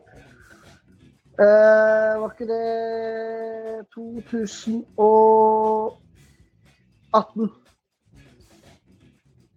Det er feil. Ja. De tok jo denne bronsen på Marienlyst i 2013, vet du. Når Godset tok gullet, og så fikk de Europacupen i 2014. Spiller, spørsmål to. Tre. Tre. Nevn to engelske klubber Trond Egil Soltvedt, tidligere Rosenborg og Brann-spilleren, har spilt for. Han har spilt for tre klubber i England. Jeg skal ha to av dem. Tom, du får muligheten etter Meran. Ja, du, ja, for jeg, dette blir hofta. Men eh, jeg veit faktisk ikke. Så jeg sier eh, Nottingham Forest og Southampton. Dette er hofta, bare. Du kan tippe én klubb til, så det er tre klubber. Du får lov å skyte. Ja, jeg kan OK. eh, Liverpool. Liverpool, Nottingham Jeg, jeg, jeg har den. Jeg har den. Jeg skjønner at du har den. Jeg, jeg husker bare én. Men du tipper Nottingham Forest, Liverpool og Southampton. Ja. Liverpool er feil. Southampton er riktig. Så da faller vi på Nottingham Forest, da. Og Håvard, er Nottingham Forest riktig? Det er feil. Svar Coventry! Jepp. Coventry, Southampton og Sheffield Wednesday. Det hadde jeg aldri klart. Da er det bare å kjøre videre. Eh, neste hint er antall. Fire. Fire. Jeg må ha nøyaktig antall, ikke slindringsmål her. Hvor mange ganger har Rosenborg vært kvalifisert til gruppespill i Champions League slash Mesterligaen? Samlet ganger. Fra, sånn generelt. Samlet, ja. De hadde mange på rad, og så hadde de opphold i etter to år, og så fikk de noen etter det igjen nå. Sist gang de var med, eh, siste jeg har et hint til deg, det får du av meg. Sist gang Rosenborg var med, var det året i 2007, da de slo Valencia hjemme og borte. Da ja, Koppin og Iversen og Vidar Riseth var de store stjernene. Har du flere hint, har du flere hint nå, eller? Ja, jeg må få litt hint. Jeg skal ha antallet. Samla siden tidenes morgen, liksom. Ja, siden Ja. CL Champions League. Antall ganger. Elleve. Endelig svar avgitt. Ja. Gratulerer med fire poeng. Det er spot on. Bra, Meran. Det er, det er sterkt. Det, det er sterk tipping, altså. Deilig hofte. Det er deilig hofte. Nest, Du må levere inn, må inn lottokupong, altså. ja. Ja, må du nå. ja, det var det. Merando, Merando. Spanialo, Spanialo. Viking, eh, Meran, er neste tips. Med tippe to. Du legger en toer i bordet. Ja, Viking, ja. Ja. Hvilket år vant Viking cupen sist? For helvete. Uh, jo, herregud, det her, det her vet jeg jo. 2019. Det er korrekt. To poeng. Hvem, hvem, Meran, hvem vant i 2020? Ingen. Ja, riktig. Eh, siste, da. Det er fint spørsmål. Det er fint spørsmål. Det er fint spørsmål. Siste blir en femmer. Ja, Det er alltid litt risky å ta femmeren til slutt, på en måte. Du, for da, kan du, da har du ikke noe valg. Ja, men eh, du er, du er nerva, for quizen har blitt så vanskelig nå, så jeg liksom tør ikke å blåse den bort. Så skal jeg ikke to-tre. Du har klart- Bare, sva, bare, bare svar DumDum Boys, du. Ja, gjør det. Jeg syns quizen var helt fair i dag. Du har klart to av fire spørsmål. Det er helt greit, Ja da, det er greit. Og hintet er dommer, og Norges mest omtalte dommer de siste ti årene i norsk fotball. Svein Erik Edvardsen. Det er riktig. Fem poeng. Hurra! Nice. Ok, Joakim, da kjører vi. Da kjører vi. Er du klar? Ja. Kallenavn. Det kommer ikke deg Ja. nå, Tom, selv om du har noen kallenavn. Igjen. Eh, hva var kallenavnet til Solskjær i United? Å, herregud, da. Det er, det er jo lett. Det er enkelt. Ja, Den her, den her kan jeg til. jeg bare irriterer meg at jeg tok én. Ja, Han var, eh, han var the babyface assassin. det er korrekt. Ett poeng. Drillo. Åh.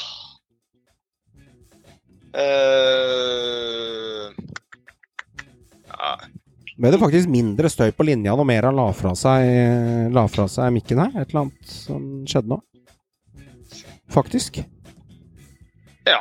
Jeg tar en to på han Drillo. To på Drillo. Hva er Drillos Ja. største seier i antall skåringer som landslagstrener i den perioden han hadde Norge?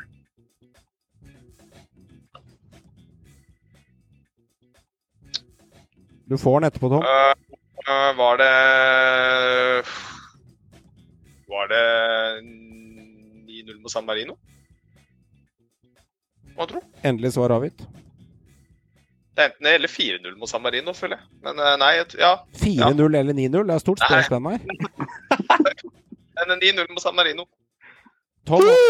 10 10-0 mot San Marino. Null poeng. Ja. Ja, ja. ja, ja. Historie. Kan være hva som helst. Jeg tar fire. Ta fire. Hvilket år var Fyllingen sist i toppserien i Norge for herrer?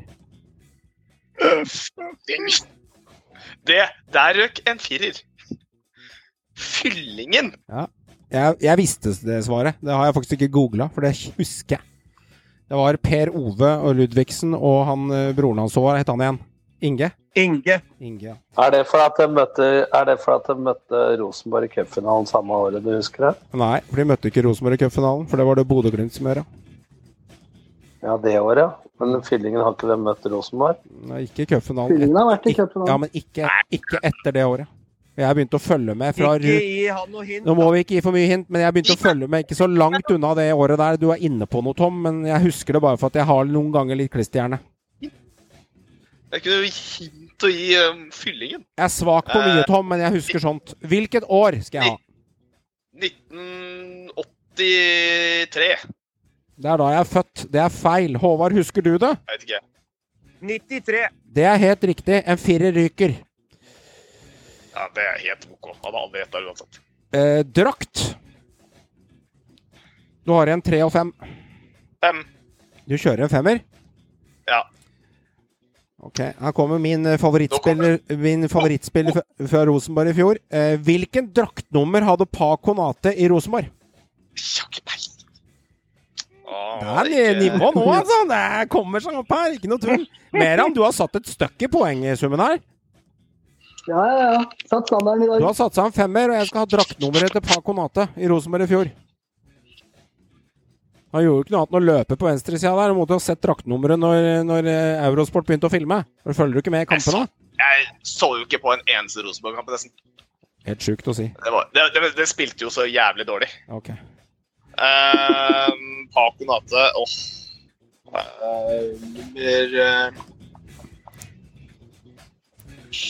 Rekk opp hånda hvis noen andre har lyst til å tippe. Ok, Meran, da får hun. Tom, du skal få. Alle skal få Arbeiderpartiet. Alle får. 20. 20. Mer av hva tipper du? To. To. Har du noe svar til meg, Tom? Nei, jeg bare Jeg har ikke Fredag den 13. 13, ja. Det er ikke så langt unna, Joakim. Det er feil, men det er 25. Ja, jeg visste hva det, det var, Jeg mente det var tosifra. At det var på 20-tallet der. Og så veit jeg at neste spørsmål liker du, og da blir det tre poeng. For det er sånn typisk spørsmål du har likt før, eh, og det er målgivende eh, pasninger. Eh, Hvem hadde flest målgivende pasninger for Kristiansund i 2020?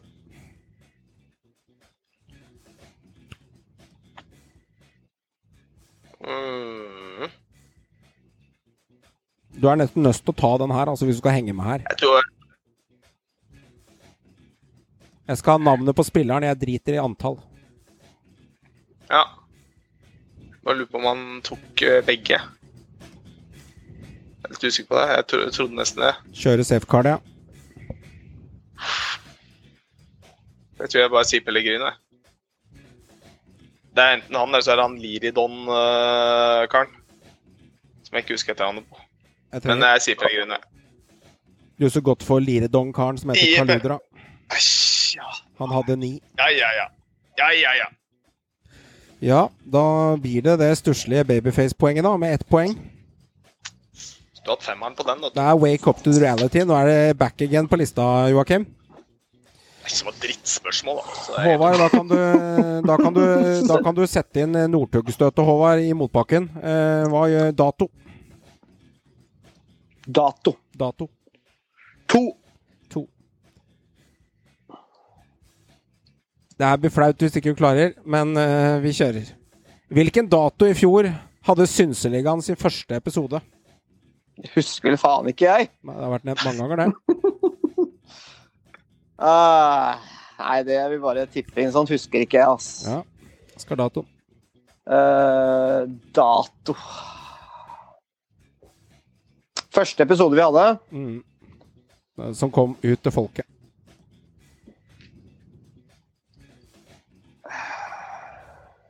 Tiende januar. 9. februar. Land. Land. Tre. Tre. Fra hvilket land begynte Atta Eke å hente spillere fra i starten av sin agentkarriere? Nigeria. Det er korrekt. Tre poeng. Trener.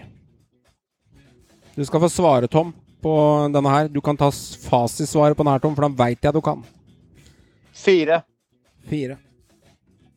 Hvilket lag tidlig på 2000-tallet hjalp Tom Nordli til som trener? Infoen er sjelden og ikke helt søkbar på nettet. Hvilket lag på tidlig 2000-tall? Du kan finne den på sikkert noen geeks-steder på nettet. Men søker du bare Så det er egentlig umulig for meg å vite, hvis det er insight. Nei, hvis du har hørt på en, hvis du har hørt på en podkast, fulgt med i tiden, sjekket intervjuer, så er det mulig å vite det. Du har satset en firer.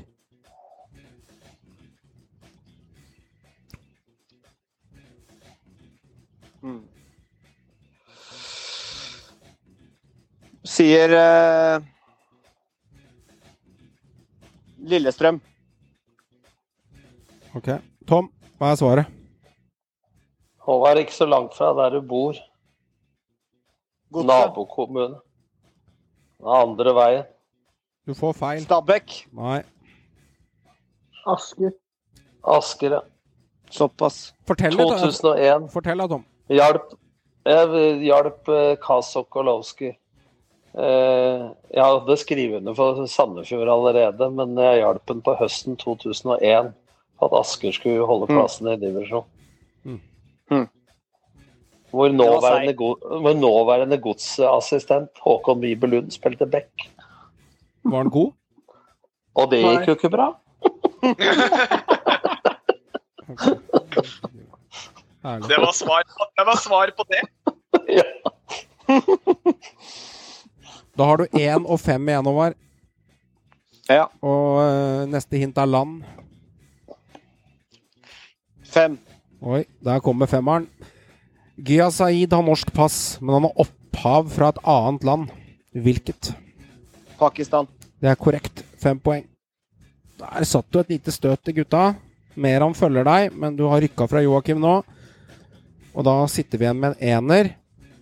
Og det tror jeg egentlig er greit enerspørsmål til deg, sånn som jeg kjenner deg. For du er god på land og Pakistan, Nigeria og Tanek og sånn. Det er kjempebra. Norsk cup er hintet. Hvor mange cupgull har Odd samlet i norsk fotball? Antall. Jeg skal ha nøyaktig. Tre. Ja, det er noen nede i Skien som, eh, som skjemmes. Eh, Tom, vær så god. Tolv? Det er korrekt. De har tolv. Oi.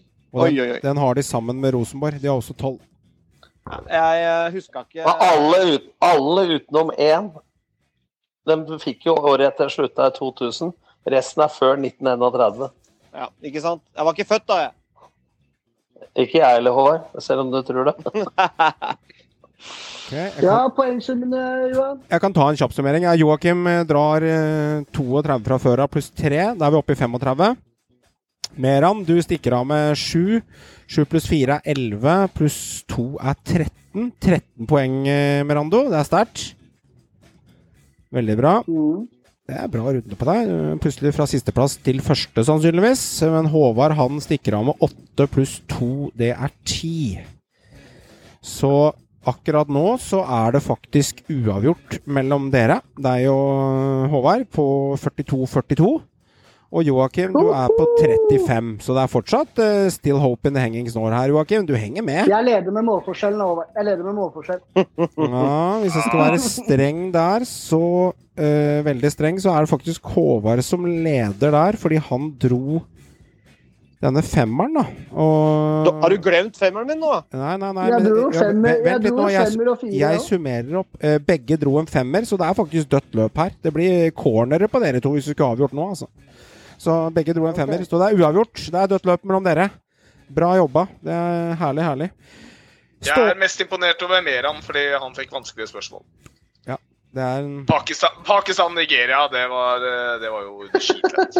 Nei, ja, men det er jo ikke lett hvis ikke du kan det. ikke sant? Hvis du har fulgt med. Man kan jo skje, men ja. ikke sant? Det er gøy at den smalt fra deg, eh, Joakim. Ja Alle som heter Sahid, kommer fra Pakistan. Ja, ok. Ja, Greit. Sånn er livet.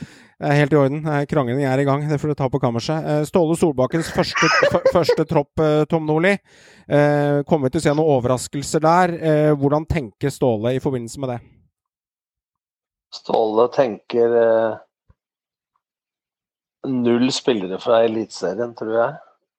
Fordi at eh, han er nødt til å velge Han får Jeg hørte intervjuene, han får kun eh, én trening, eller en halv trening, eh, med fullt, eh, full trening eh, mellom hver kamp, for de spiller vel Ja, de som spiller seriespill da, i utlandet.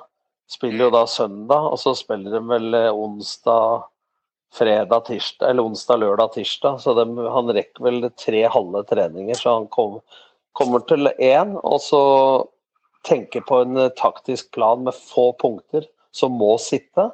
Og to, han kommer til å velge spillere som er i form og spiller i lagene sine i utlandet.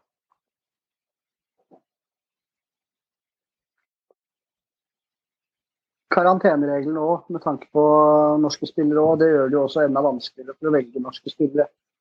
Per dags dato òg, da. Det må også sies. Det er et godt poeng, Meran. Men jeg tror allikevel at uh, Stian Gregersen på Molde tror jeg eh, kommer med. For Molde har jo da Hvis han er skadefri, da. Men han uh, var jo en stopper som kom inn i varmen på slutten i fjor under Lagerbäck. Og, og han har også spilt litt internasjonale kamper nå. Jeg tror han har gode kort på hånda for å komme i tropp, i hvert fall. kanskje er, også Men det er i så fall eneste laget. Eneste Ja. laget han tolker fra. altså Bodø-Glimt er på treningsleir, men eh, Ja. det eneste det er Molde som har fått et par kamper da, som det eventuelt kan vurdere Enig fra. med deg. Jeg tror ikke- også at det stort sett hele troppen er fra utenlandske ligaer. Det sier jo seg selv, for de norske spillerne har jo ikke spilt fotball. Det, altså, de har ikke spilt fotball på godt over en ja, nærmer seg snart to måneder for eh, mange av dem. Så altså, det sier seg, du kan ikke trekke ut spillere som bare har trent nå i halvannen måned og ikke gjort noe annet enn det. Og så har du det, og så er det den store altså andre greia som også er eh, veldig spennende, og det er jo den eh, jeg er litt, altså nå, Det går nok greit nå, men er, nå er det vanskelig for alle de spillerne som spiller i de store europeiske ligaene. Altså. Eh, De blir eh, Det er mye klubber der nå som prøver å sette mye klute bremser til for at de i det hele tatt får lov til å dra noe som helst sted. Spesielt i England så vet jeg at eh, der er det mange klubber som er virkelig fly forbanna. Eh, Og ikke har noen, egentlig ikke har noen planer om å slippe sine spillere ut på landslagsoppdrag om de ikke blir tvunget. Men de Eh, blir tvunga de, de Det er internasjonal dator. Men, Ja, altså, ja. men du kan ikke, altså det, og det er jeg enig, de blir tvunget til det. Men det skal sies, og det er helt riktig, altså jeg, jeg ser, og det sa jeg i fjor òg, jeg ser poenget deres. Det er de som betaler lønna. Eh, Det er dems eh, eiendom. Det er dem Mm. som har arbeidsgiver. Eh, Og ja, altså jeg, jeg Men du Det- veit at de får lønn, Joakim. De får lønn, faktisk. Jeg er helt enig med deg, men reglene er klokkeklare, som Håvard sier, at de må slippe dem. Men eh, det er jo litt spesiell situasjon nå, men de får også lønn. De får lønn også av forbundet, da, når de altså er det, Jeg tror ikke klubba trekker dem allikevel, men de får lønn eh, når de representerer landslaget òg, da. Jo, jo, men det er jo ikke, Det, det er jo karantene. Det er det som er poenget her. Slipper ut eh, ti, ti spillere, og så kommer det fem spillere tilbake igjen som havner i karantene pga. uforutsett. Ikke sant? Og så går det utover tre klubbkamper som kommer på rekke og rad etterpå. Det, jeg ser poenget, men igjen, det er EM. eh, Det, det er rundt hjørnet. De må avvikle det, tydeligvis. Det må bare gjøres. Men nå er det jo snakk om VM-kvaliken Joakim, som begynner nå. Det er den vi snakker om nå. Ja, det er Eh, VM-kvaliken som Ja, det er ikke, EM, er, EM er, er ikke Norge klare for. Det er VM-kvalik nå, kompis. Så det er det som begynner nå. Uh, og uh, nå må vi prøve å snakke om det sportslige, da skal vi heller la det andre ligge. For det blir jo kvalik. Og saken er den at nå skal det komme til en tropp. Det er Ståle sin første tropp. Og det må vi på en måte ha fokus på. Om det blir boikott eller hva pokker det blir, så er det en tropp som skal bli tatt ut. Og det må jo på en måte være fokuset for nå, tenker jeg. Eh, ikke at eh, klubba, klubba må frigi spillerne. Sånn er det. Dette er internasjonale regler. De kan ikke sette seg på bakbena der om det blir skader eller karantener osv. Det er veldig få land da, som har de karantenereglene som Norge har. Ikke sant? Så uansett. Så øh, dette her kommer til å bli eh, uttak, og spillere må dra. Hvis de ikke nekter sjøl, da. Det er en annen sak. Mm. Men jeg er veldig spent på hvem Ståle tar ut. Det er mange spillere som gjør det bra nå. Eh, Jeg syns det blir eh, spennende Altså På topp så er det jo i hvert fall tre som er ganske soleklare i mitt hode. Det er Joshua King, det er Erling Breit Haaland og det er Alexander Sørloth. De tre blir tatt ut, og så skal det sannsynligvis være en fjerdespiss. Og det tror jeg blir Jørgen Strand Larsen, faktisk, fra Groningen. Som har hatt en uh, veldig OK sesong i Nederland. Det kan fort være riktig, Håvard. Og I tillegg til det så er jeg ganske sikker på at spillere som selvfølgelig Martin Ødegaard, Moyo Onussi, Christoffer Ayer eh, Du har Birger Meling som spiller bra i NIM i Frankrike. Vi har eh, Morten Thorsby, eh, Mathias Nordmann i Rostov. Eh, jeg tror også at spillere som gjorde det veldig godt på nødlandslaget, som Sondre Tronstad, som spiller regelmessig Vitesse og gjør det bra, han tror jeg også er veldig høyaktuell. For en Jeg tror også, jeg tror også Haitam og Martin Linnes kommer med, så Omar er ute. Enig med deg. Enig med deg. Men Så er spørsmålet spørsmål, spørsmål hva, hva skjer med Stefan Johansen? Ja, jeg tror Stefan kommer med. Fordi han har spilt nå ganske bra for QPR. Og er eh, Hva skal jeg si, han var kaptein, er kaptein, vanskelig å si. Men Stefan Johansen spiller nå fast på et QPR-lag som har fått en veldig opptur i championship. Etter at han faktisk da kom inn og Charlie Austin på topp der, så tror jeg at Stefan Johansen han eh, kommer til å komme i tropp. Og det er kanskje til og med fortjent, ut ifra hvordan han har gjort det i det siste nå. Det er jeg enig i, men bare ikke ta ham ut som kantspiller. Nei, men det tror jeg det er slutt på. Og Det har vel egentlig Ståle også sagt, at Stefan skal vurderes som sentral midtbanespiller. Men jeg syns det er veldig spennende da, om vi får se Mathias Nordmann og Morten Thorsby sentralt i en 4-4-2. For Morten Thorsby, storspiller i Serie A. Han er er bankers i, i laget på Sampdoria og er en ballvinner av rang. Og Mathias Nordmann er en mer offensive fiber i. Så jeg, og Sander Berge er ute, så er jeg spent på den duoen der. Hvis han velger å spille 4-4-2, vel å merke. Og så er spørsmålet Jeg følger jo ikke landslaget så tett som dere. Jeg er jo den eh, klassiske medgangssupporteren, men kommer vi til EM eller VM i 2070 en gang, så skal jeg kaste meg på flyet. Men eh, gi, meg en, gi meg en lærdom i hvem skal utvikles til å bli en av de i stoppeparet der. For det har vært veldig mye snakk om denne stopperen uh, utenom Ayer. Tore er ikke tema lenger, som jeg skjønner. Uh, og så sitter vi med en liten utfordring der, og vi må jo tette igjen for å vinne fotballkamper, har jeg skjønt. Jeg tror Leo Østegård øh, banker på døra. Han gjør det bra i Coventry. Vi har ikke så mange. Jeg tror også Stefan Strandberg øh, i Ural har øh, gode sjanser for å komme i tropp. Og naturlig nok Ayer og Gregersen, som jeg også har nevnt fra Molde. Han tror jeg er en spiller som Ståle Han har potensial. Gregersen har gjort det veldig bra, særlig i Europa League og selvfølgelig også i Eliteserien. Jeg tror det er en stopper som Ståle vil satse på. Det føler jeg meg trygg på. Tror også eh, Gabrielsen, Ruben Gabrielsen eh, Ja. er med i miksen der. Eh, og faktisk Hanke Olsen også, som har gjort det sakten ganske greit i Belgia. Men jeg, jeg, syns, jeg syns han er undersnakka litt, Stefan Strandberg. Altså, han var Ja. meget god når han fikk muligheten. Mm. Og, Ja. og spiller ikke i noe Har spilt i en bra liga i flere år. Og, Ja. og har vært med lenge, altså. Robust, Ikke noe og- dårlig spiller. Men alle snakker om Ayer er eh, bankers, ja, for det er mangel på noe. Men Ayer må også steppe opp, altså, for han er vant til å spille på et lag nå. Så nå har de tapt for Rangers i år, da, men altså Ja. De er såpass dominerende da, i de fleste kampene i Skottland at uh, han blir ikke satt på så mye prøver. At, uh, og han var litt for mye innblanda i markeringssvikt og baklengsmål altså, i det siste på landslaget. Så, så han må også steppe opp litt, altså, hvis det skal være noe klar ener bak der. Jeg er helt enig med deg, Tom. Han har hatt en veldig nedadgående kurve på landslaget.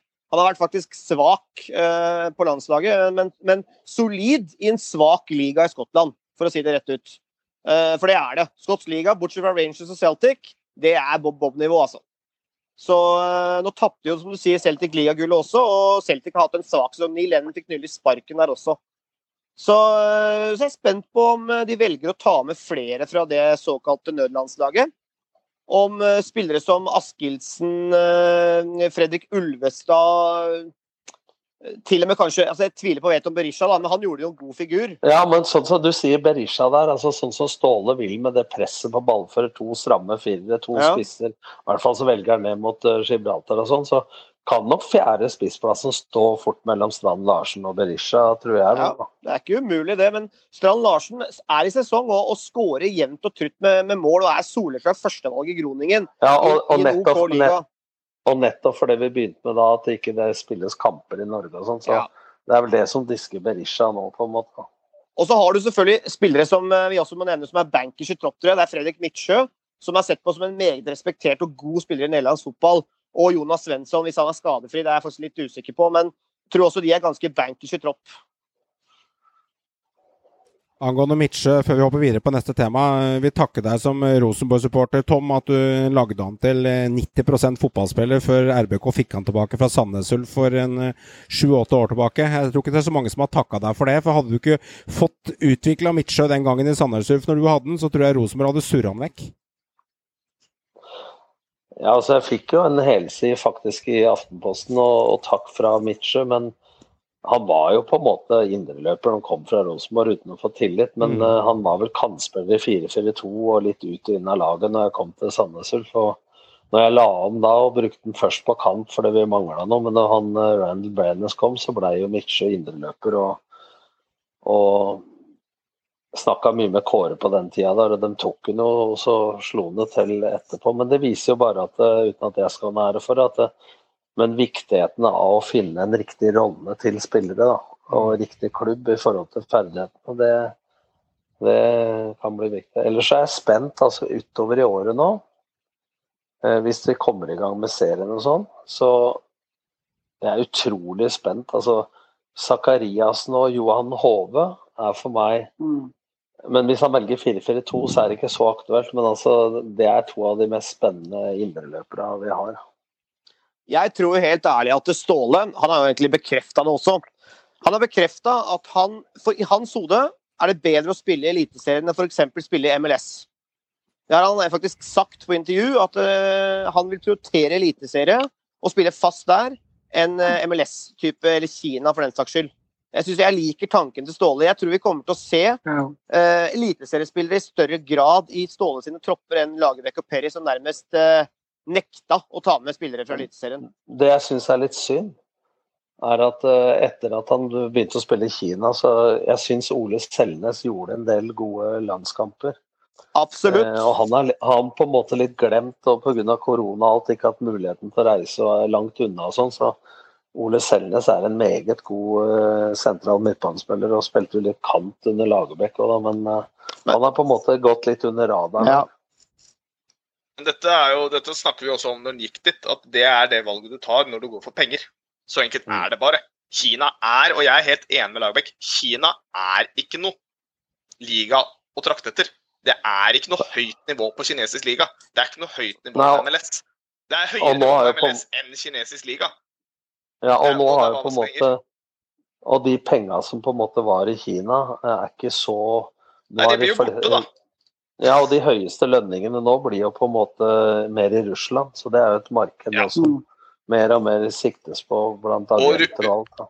Russisk liga er jo en sterk liga. altså det er, mm. det er, en sterk europeisk liga. så det er klart at Der er det selvfølgelig muligheter, og der uh, bør man jo følge med. For der har du lag som jevnlig spiller både i Champions League og i uh, Europaligaen. Men uh, det med å dra til Kinesliga, jeg, jeg syns egentlig det er helt fair. altså du, du, skal nesten bli litt glemt da. Det er et, det er et dumt sted å dra sportslig. Ja, du kan tjene penger, og så kan du leve på de pengene etterpå. Helt greit, men da velger du det. Men da må du tåle å bli forbisett etterpå. For men det er pga. korona da, Joakim, at Selnes ikke er tatt ut også. De har på en måte bekrefta det, det, også. Ja, det kan godt hende, men jeg for, mener de ikke fortjener det engang når de velger roller. Ja. Så enkelt er det bare. Den, den ligaen er ikke noe bedre enn norsk eliteserie. Ferdig. Ja, Du var veldig hard på det i fjor òg, at det er litt sånn ja, Du jeg, har alltid stått for det. Stemmer det. Det er, det er ikke noe Mye bra liga. Mye gode enkeltspillere, da. Eh, absolutt gode enkeltspillere. Det er stjerner eh, som er der borte. Mye er å ta hardt i. Jo, det er det. Da må du sette deg inn i Da må du, da må du sette deg inn i hvilke spillere som er der. Det er mye gode spisser. Mye gode spisser. Defensivt er det utrolig bob-bob. Uh, men uh, det er ikke noe tvil om at det er en bruk og kast-liga og, en, og, en liga som du på en måte ikke får noe sånn utvikling, da for å si det på den måten. Nei, det gjør du ikke. Så, så, så Selnes bør jo kanskje vurdere, hvis han har noen ambisjoner, å komme seg til Europa. Tror du, tror, du, tror du, Kina, Tom, har vært en hindring for Selnes utvikling, siden han valgte det for et par år siden? Ja, og spesielt det laget han spilte på, var jo ikke noe topplag heller. Så, og sånn at eh, det var ikke det mest gunstige, det er jeg enig med Joakim, sånn sportslig sett. Uh, Eh, så, men de penga ble sikkert fristende, men han, han, var jo såpass dominerende der at han hadde nok vært i en tropp hvis han, det ikke hadde vært for koronaen. Men uh, jeg tror han hadde vært på et annet sted sportslig hvis han hadde spilt i en bedre liga. Han spilte jo fast i fransk liga og gjorde det bra i Saint-Étienne, så, så merkelig klubbvalg, altså. Jeg må si det. Jo... I, den, i, den, I den alderen han er i også, så er det merkelig. Alle kan kjøpes, bare prisen er høy nok. Et gammelt Ja. utsagn, og det henger Ja. litt i lufta, det. Og noen andre som også er litt glad i penger. Sånn oser litt penger av hele greiene. Det er litt samme som vi ser i OL, og vi ser det også når det tildeles VM-sluttspill. Eh, VM-sluttspill i Qatar, vi kan jo starte på det. Det har vært veldig mye skrivinger om i avisene, og det er jo ledere som kommer, går ut her og melder til høyre og venstre, og det er, diskusjonen er i gang. Vi starter hos deg, Tom. Ja, altså jeg syns uh, debatten er lite nyansert. For vi, jeg tror vi kan fastslå med en gang at ingen støtter måten uh, arbeidskrafta blir eh, på en måte behandla der nede, og folk dør osv. Men det verste av alt at i andre land nede der, så er det fordi at nå VM og Qatar har fått så mye fokus, da, så av elendigheten, da, så er det dem som er der som har det minst elendig. Eh, men jeg tror vi må også, som Per Ann Nondal, gamle presidenten i Fotballforbundet, sier, at det, jeg tror det blir litt forhasta å ta det opp på tinget til helga. Jeg syns det krever en mer debatt. Og de tar jo på alvor da, når generalsekretæren i Fifa kommer på møte med Norges Fotballforbund nå før helga som var. Så, så tar de det virkelig på alvor. Eh, men jeg tror at eh, vi fort kan bli, hvis vi boikotter så kan godt si at Hvis ikke et et land som Norge gjør det, så vil ingen følge etter. Samtidig så tror jeg at det ikke har noe å si for forholdene for arbeidet der nede om vi boikotter eller ikke. Og konsekvensen er jo at vi ikke får kvalik, og at eh, de dropper eh, Kanskje at vi kvinnelaget ikke får være med i VM osv. Så, videre. så, jeg- så jeg sier ikke Jeg tror det må en større debatt til om konsekvensene, som Lise Klaveness sa på det fotball.tv her også. Eh, å, selv om hun er imot, så, så må du på en måte se hele bildet her, da, for nå blir det sånn populistisk. Og jeg syns det er mange roser at norske enkeltspillere og klubber går ut med det, og så blir det nesten sånn politisk ukorrekt hvis noen eh, Det var vel Bodø-Glimt og sånn som sa, sa nei. Så selvsagt er vi imot at eh, arbeidere skal behandles på den måten. Så er spørsmålet om det vil hjelpe på forholdene her nede om Norge eh, boikotter. Men jeg syns i hvert fall at det krever at alle ting kommer opp på bordet i større grad til en debatt, mer at man skal bestemme det i digitalt fotballting til helga, uten at eh, på en måte det har vært debattert på ordentlig måte. Det er min mening, i hvert fall. Boikott må skje i regi av Uefa. Det er min tanke. Altså, det, et enkeltland eh, skal i utgangspunktet, mener jeg altså Det hjelper ikke at et enkeltland tar et standpunkt. Om Norge tar et standpunkt, blir fryst ut av Uefa. Eh, det, det blir bare tull. Eh, dette er noe som eventuelt Uefa Jeg og jeg er helt Altså, tildelingen av fotball-VM til Qatar er en helt komplett katastrofe og noe av det mest tragiske fotballsporten har gjort noensinne. Det er kun penger, det er kun korrupsjon. Alle ser det. Du må ikke, altså, du må ikke ha høy IQ for å forstå at her er det masse penger som har skifta mange lommer. Det skjønner alle, man er jo ikke idiot. Og det er helt krise. Men en boikott det må skje fra Uefa sin side, samlet front. Det er Bare det en som må liten, til. bare en liten, liten kommentar til det, Joakim. Jeg er helt enig. fordi eh, Det var litt annerledes når Norge boikotta OL i 1980. Eh, Sovjet ut av Afghanistan. For da var det tross alt stormakter som USA osv. Men samtidig så tror Norge nå at eh, de skal få med seg andre land. Eh, men det er jo til og med Amnesty anbefaler jo ikke å boikotte. Ikke sant? Altså, så, så jeg tror vi skal hoppe litt ut av Og da begynner jeg å lure igjen da, at når liksom supporterformannen i Brann får taletid på debatten, liksom. Altså, hvem er det som skal ha en stemme inn i det her? Da hører jeg mer på Per Ann Åndal, som har vært inne i Fifa og kjenner til korrupsjon. og alt. Hvor kan vi påvirke, og vil Norge kunne påvirke arbeidsforhold til arbeidere der nede ved å boikotte? Det spørsmålet må vi, må vi stille oss, selv om jeg presiserer igjen at Qatar har fått mesterskapet. Skandale, som Joakim sier. At vi er imot hvordan de arbeidere blir behandla. Ja, men er det rette måten å reagere på? Det er spørsmålet. Det er jeg enig i. fordi Er det noe man skal boikotte da, så blir det jo han som tok avgjørelsen om å ta, flytte hele VM til Qatar. Og det vi glemmer oppi dette her, det er jo det økonomiske aspektet som vi egentlig er ganske avhengig av for å tjene penger i norsk fotball. Så Det er veldig viktig, og det glemmer vi. Og så, Det er sagt veldig på spissen her, men ved å boikotte et VM, så er all jobben og mange mennesker har dødd forgjeves hvis, hvis det blir boikott av et VM. Skal man gjøre noe, så får man gjøre noe aktivt, litt som Joakim var inne på. Da får de ta avstand fra Fifa, så får de gjøre noe. Så er det jo helt hinsides, for det er jo mange land som sliter. Du hører ikke noe snakk om boikott der. Det er ikke noe snakk om boikott av at det er barne, barnearbeid og slavearbeid, men akkurat VM her, så skal vi plutselig ta et standpunkt. Det syns jeg også er merkelig. Vi alle er jo enige at det er helt dust å ha VM i Qatar, selvfølgelig. Men nå er det mange mennesker som har jobba i flere år, og også har dødd. Og da å boikotte et VM Jeg, jeg, jeg er sterkt uenig i boikott. Jeg er sterkt uenig i boikott. Jeg, jeg må si at uh, jeg er helt enig med det meste dere sier. Uh, jeg syns at det virkemidlet som da supporter altså Det er jo faktisk dette her også nesten supporterstyrt. da. Det er supporterklubber rundt om i Norges land. Det starta med Tromsø. som da, Det blir nærmest sånn trend. Og så blir dette her et pressmiddel mot NFF. Og, og vi, vi, Jeg tror ikke vi forstår helt hva en boikott kan ha å si for vårt landslag. Og også kanskje internasjonal klubbfotball for Norges sin del. Eh, Mm. og alle veit, og jeg er helt enig, det er tragisk, det er korrupsjon osv. at Qatar har fått tildelt et VM. Det skulle aldri funnet sted. Men vi må ikke glemme det, at under Brasil-VM, ikke sammenligning for øvrig, men arbeidere og øh, folk i favelaen hadde det jævlig der også. Det var Yes. ikke så fokus på det der, for det var det VM i Brasil, og det var dritfett, liksom. Men når det er var i Qatar det var bikkjer det var hvorfor fokus på der. Jeg var til, jeg var, jeg var, til, jeg var til stede og kommenterte for NRK det VM i Brasil, og så det jo tett på der. Og den der debatten som var med hun kvinnelige presidenten osv., hvor mye de hadde brukt på det kontra å ta vare på egne borgere osv. Ja. Altså, du kan altså dra dette ut i det vide, hva med Kina osv., så, videre, og så, videre, så sier folk at dette er verre enn noe annet. Men jeg hørte faktisk på i dag hvor Lise Klaveness og flere snakka om det, at det, det fin, og jeg snakka om det på indre bane også, at det fi, fins jo på en måte Bangladesh, altså masse andre land som selv om ikke det er noe trøst, da, som man behandler folk enda dårligere, men fordi fokuset har blitt på Qatar, så er man faktisk i ferd med å forbedre arbeidsforhold for dem. Så er det selvsagt tragisk at folk har, har dødd, ikke sant? Men, men det blir også sånn hva blir fokuset i media? Og så skal i Norge være best i den omdømmeklassen igjen eh, i forhold til det. Og vi alle tar avstand, men er vi klar over konsekvensen? Vi er, vi er jo nesten i ferd med å melde oss ut av hele fotballen. da. Kan vi legge ned landslaget, da? Da kan vi gi Ståle kan Ståle kan ta seg pause i flere år, han da. Og så begynne å jobbe da.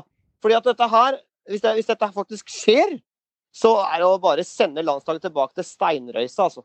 Det er, eh, Mm. det er eh, sportslig katastrofe for Norge som eh, et landslag som skal utvikle seg videre til å kanskje Sverige og Danmark vil jo ikke boikotte. Nei, det er ingen Mm. andre land som vurderer boikott bortsett fra oss i Norge. Og da kan ikke supporter-Norge få så stor makt, altså. Da må vi begynne å sette ned foten. Supporter-Norge de, de, eh, de skal ikke ha kunstgress når det er mest egna for det, og de skal boikotte Qatar-VM. De har mye makt, Håvard. Du er inne på en setning der. Det er liksom, her skal Ola Dunk eh, melde. Jeg er eh, glad i det. Ja, men nå er vi, men er vi, snart, nå er vi snart verdensmestere i omdømme òg, for at vi driver oss og gratulerer Norge med ski- ski-VM og gull og alt mulig. Det er bare, greit bare vi konkurrerer i andre land, men ikke slipper ja. noen her. Men vi slipper inn bygningsarbeidere i huet og ræva for at vi skal sette opp det. Hvor er eh, linja her? Vi dro til Sotsji-OL og konkurrerte der. Det var ikke akkurat kjempegod forhold enn til Russland heller på den tida, for de som bodde der. Ikke sant? Så, så poenget er at eh, nå må vi begynne å vurdere litt. Idretten må komme foran. Det er som du sa, Meran. Eh, Det kan ikke være forgjeves, nærmest, at disse her arbeid, stakkars arbeiderne har mista livet. Nå må vi dra ned. Hvis vi, og hvis vi klarer å kvalifisere oss, da, så skal vi boikotte. Altså, det er høl i huet Men- hos meg. Altså, at idretten skal blandes inn i dette her. Men det er, veldig, det er veldig godt poeng dere kommer med. For til og med da vi begynte å diskutere eh, om Norge skulle søke om OL igjen for en fire-fem år siden, så kom jo den store eh, folkesjela fram at dette er for dyrt, unødvendig bruk av penger. Vi skal ikke ha OL hit. Så Toms poeng at vi kan reise land og strand rundt og plukke opp medaljene, men å være med å bidra til festen, det er vi ikke interessert i.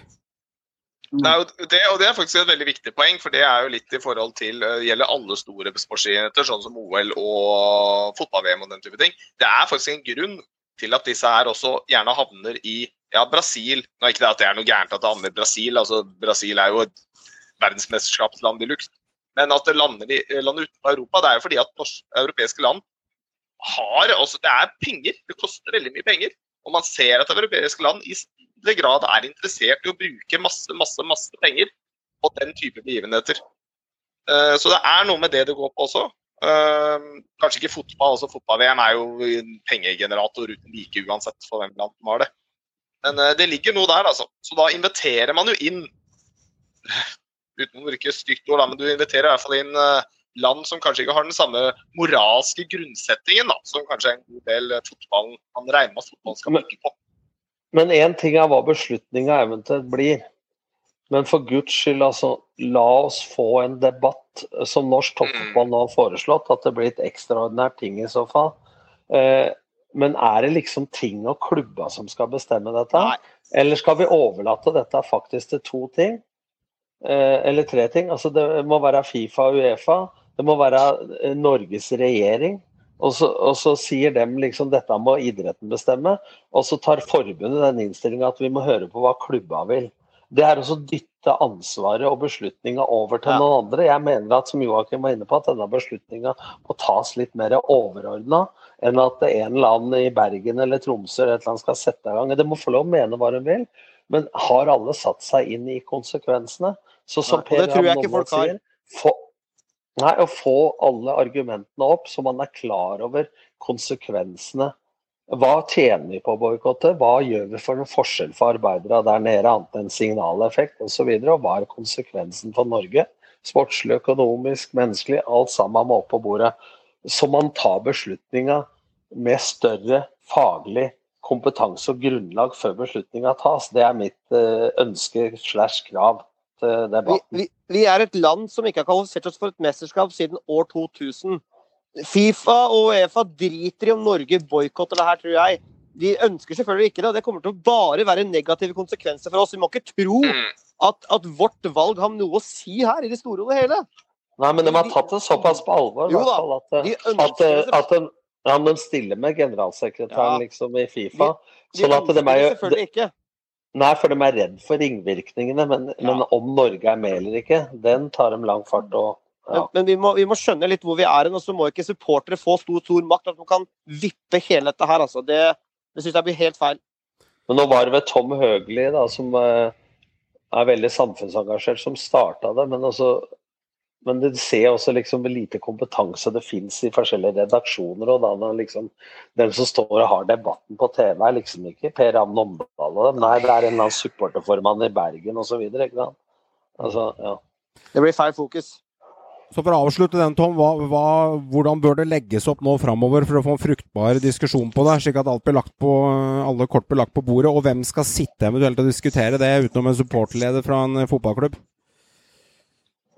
Nei, Dette må på en måte norsk toppfotball og NFF ta opp sammen med eventuelt eh, storting, regjering, eh, mener jeg. Altså på et overordna plan. Men først og fremst så må man ha møte med Fifa, og så må det legges fram for Hvis det skal være en demokratisk beslutning på et fotballting, så nytter det ikke å sitte med ølbrillene på på et eller annet ting. Eh, som man gjør, eh, Nå er det digitalt, men før, det er mange beslutninger om straffekonk med Thomas Kanker 87 og sånt som har blitt tatt på søndags morgen klokka ni. Mens folk eh, har vært halleluja til klokka fem om morgenen, for å si det sånn. Så det må opp på bordet faktisk fordeler, ulemper. Alt må opp, og så må det være en saklig debatt ut fra det. Så må det være folk som på en måte har beslutningsmandat eh, til det, som må ta avgjørelsen. Altså ikke at uh, hvermannsen at det skal på gata skal på en måte nå synes jeg. Altså, det var jo sånn på TV her også, at Ja. de intervjuer random folk på Karl Johan. Liksom. Hva mener du om det? Ja. Det er like, like viktig som hva vi mener, antageligvis. Herlig, herlig.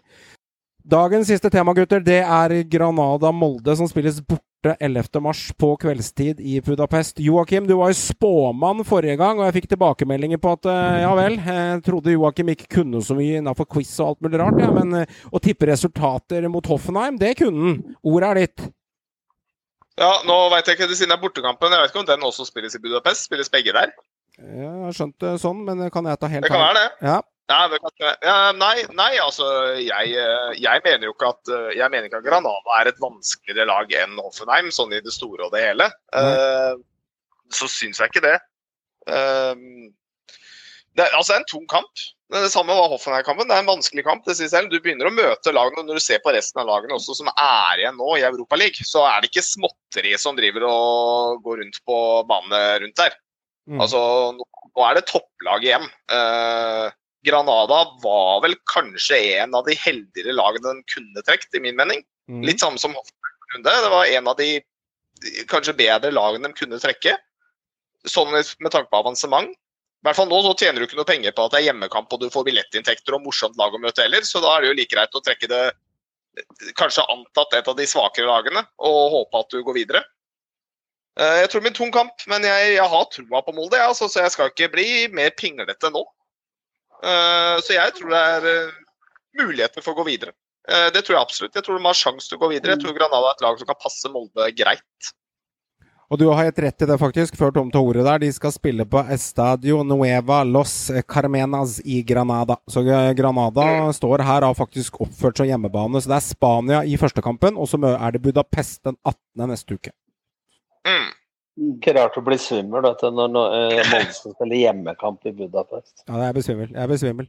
Eh, Tom, dine tanker om Molde der? Eh, Nei, altså, Det var et kjemperesultat sist, men selvsagt så var de heldige der. Det kunne fort ha blitt baklengs på 4-1 der, hvis ikke Linde hadde redda straffa. Men det er jo en kjempeprestasjon. Men eh, nå møter vel et lag som er eh, noenlunde likt, eh, eller midt på tabellen i tiendeplass. Ligger de på, på 33 poeng med ni seire, seks uavgjort og 11 tap. 32-44 i målforskjell, altså midt på tre i akkurat midt på tabellen i, i Spania, og som er i sesong, så i utgangspunktet så er jo ikke det noe eh, lett oppgave. Men samtidig, som ble nevnt her fra Joakim, noe av det kanskje bedre de kunne, kunne trukket. Altså, sjanseløse er de ikke, men det er klart hadde de spilt eh, hjemmekampen sin i Molde på kunstgress osv., så, videre, så hadde det selvsagt vært eh, muligheten enda bedre. Men nå har de jo fått trent å ligge i utlandet, og trent på gress. og vi så jo hvor sårbare de var i første omgang sist, hvor de hadde møtt Brann og Brattvåg i treningskamp. Og så hvor bra de var i annen omgang. Så det er klart, ved å ligge der nede nå og få trent enda mer sammen, eh, så bør jo sjansene være omtrent det samme som mot Hoffenheim, sånn som jeg vurderer det. Jeg tror eh, første kampen blir en veldig taktisk kamp. Molde må få prøvd å ta og drept litt av det tempoet med. Unngå overgangene og kontringene imot. Og hvis de klarer å få med seg et greit resultat i første kampen, så tror jeg det absolutt er store muligheter til å gå videre i Budapest i andre kampen. Så jeg holder den kampen eh, nesten like åpent som, eh, som Hoffenheim-kampen, med unntak av at spansk fotball er noe annerledes enn den tyske stilen. Men jeg tror Molde kan mestre det helt fint.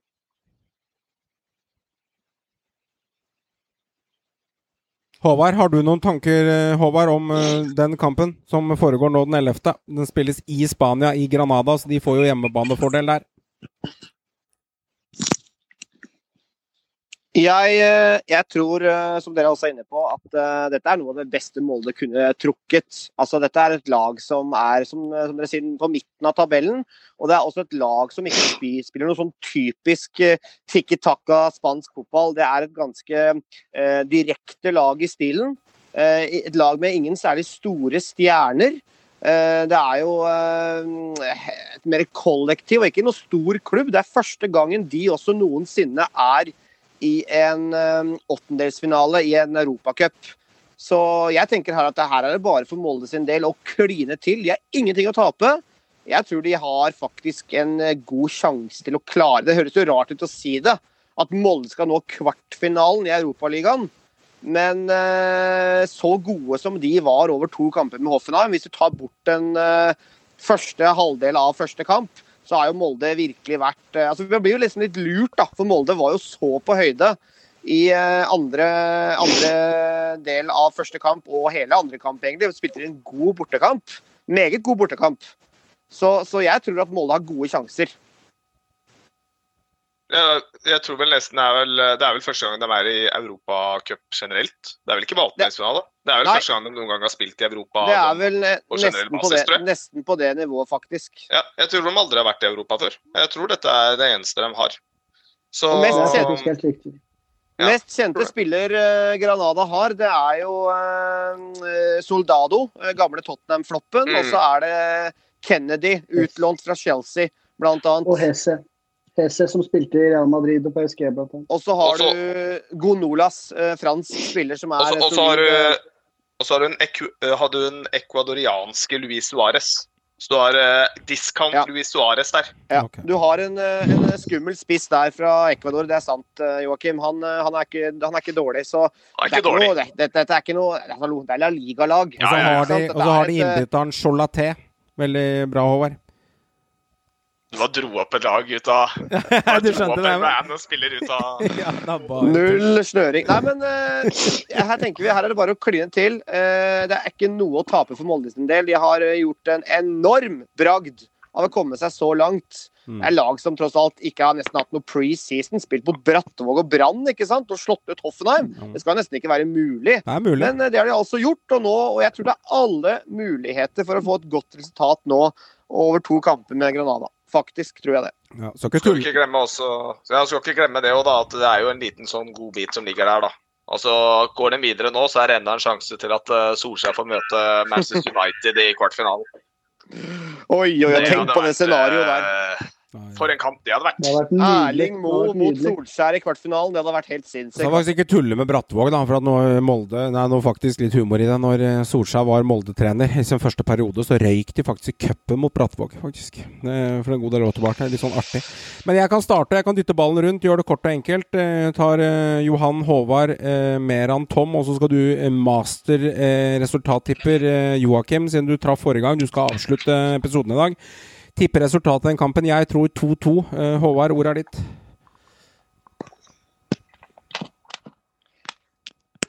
Jeg tror de taper eh, 2-1. Mm. Jeg tror de vinner 2-1. Da er det deg, Tom. Nei, jeg tror de skårer, men jeg tror de taper. Altså, jeg er enig med Håvard. Altså, 2-1 Granada første kampen. Mm. 2 eller 3-1. Og det er ikke så verst resultat hvis de får med seg et uh, bortemål. Ja, da kommer jeg til slutt, da. Men jeg må være litt kjip. For jeg, jeg, jeg tror også jeg tror, jeg tror de taper første kampen, men jeg tror selvfølgelig at de vinner andre kampen. Så de går selvfølgelig videre okay. til kvartfinale etter to kamper. Da veit du hvor du skal sette pengene, kjære lytter. Og denne gangen var det Krog som var mest positiv med 2-2. Så får vi se hvor ballen ruller igjen. Mer enn mer han trodde de vant 2-1. da. Jeg tror de Nei, kjør- kjørte, kjørte ikke du 2-1 til Nei, du kjørte seier? Ja. Bra, Meran. seier til Molde 2-1. 2-1 på, på deg, 2-1 tap på eh, Håvard, og med Tom tror på bortemål. Og du tror eh, på en knepen den der, ja. Den er fin. Tusen Men, takk. men Joakim blir snart, Joakim blir snart verva inn eh, i styret i supporterklubben i Molde nå, med, med de to siste tipsa her nå. Ja, det er sterkt. Ja, hvis, de, hvis, de går, hvis de går gjennom, så skal jeg sende beskjed om at jeg vil inn. Ja, det er sterkt. Det er min det skyld, skal jeg si da. Det har ikke så mye med godset å gjøre heller, sånn hatmessig. For det er ikke Ålesund dette her fra gamle dager, så du hadde jo akseptert den, kanskje? Ja, nei, jeg veit ikke hvorfor, men jeg har aldri likt Ålesund. Jeg, jeg veit ikke hvorfor. Jeg, jeg kan Ikke heller. Det er rart. Jeg har ikke grunn til å hate dem, men jeg bare liker dem ikke. Merkelig. Ja, kjære lytter, takk for at du lytter til Synseligaen. Håper du fikk eh, godt utbytte av episoden. Eh, velkommen tilbake neste uke. Så håper jeg du koser deg masse. Få med deg kampen eh, den 11. mars der med Granada Molde. Ha en glimrende uke. Vi snakkes. Men det er jo ikke sånn at bohemen etter Vålerenga på 60-tallet At vi kan spille med de på 2020, i 2020. Det er toppidrett i dag. Fucking joke, den der jævla måla vi slipper inn. Det er, det er piss. Vi har vært bunnsolide i, i hele oppkjøringa. Nå har vi sluppet inn ja, fire-fem pissemål. Det er jævla kjedelig å trene, så det er mye bedre å bare ligge og sole seg og så spille kamper. Så det her er perfekt. I wanted to wish her happy birthday, but it was already going, go away.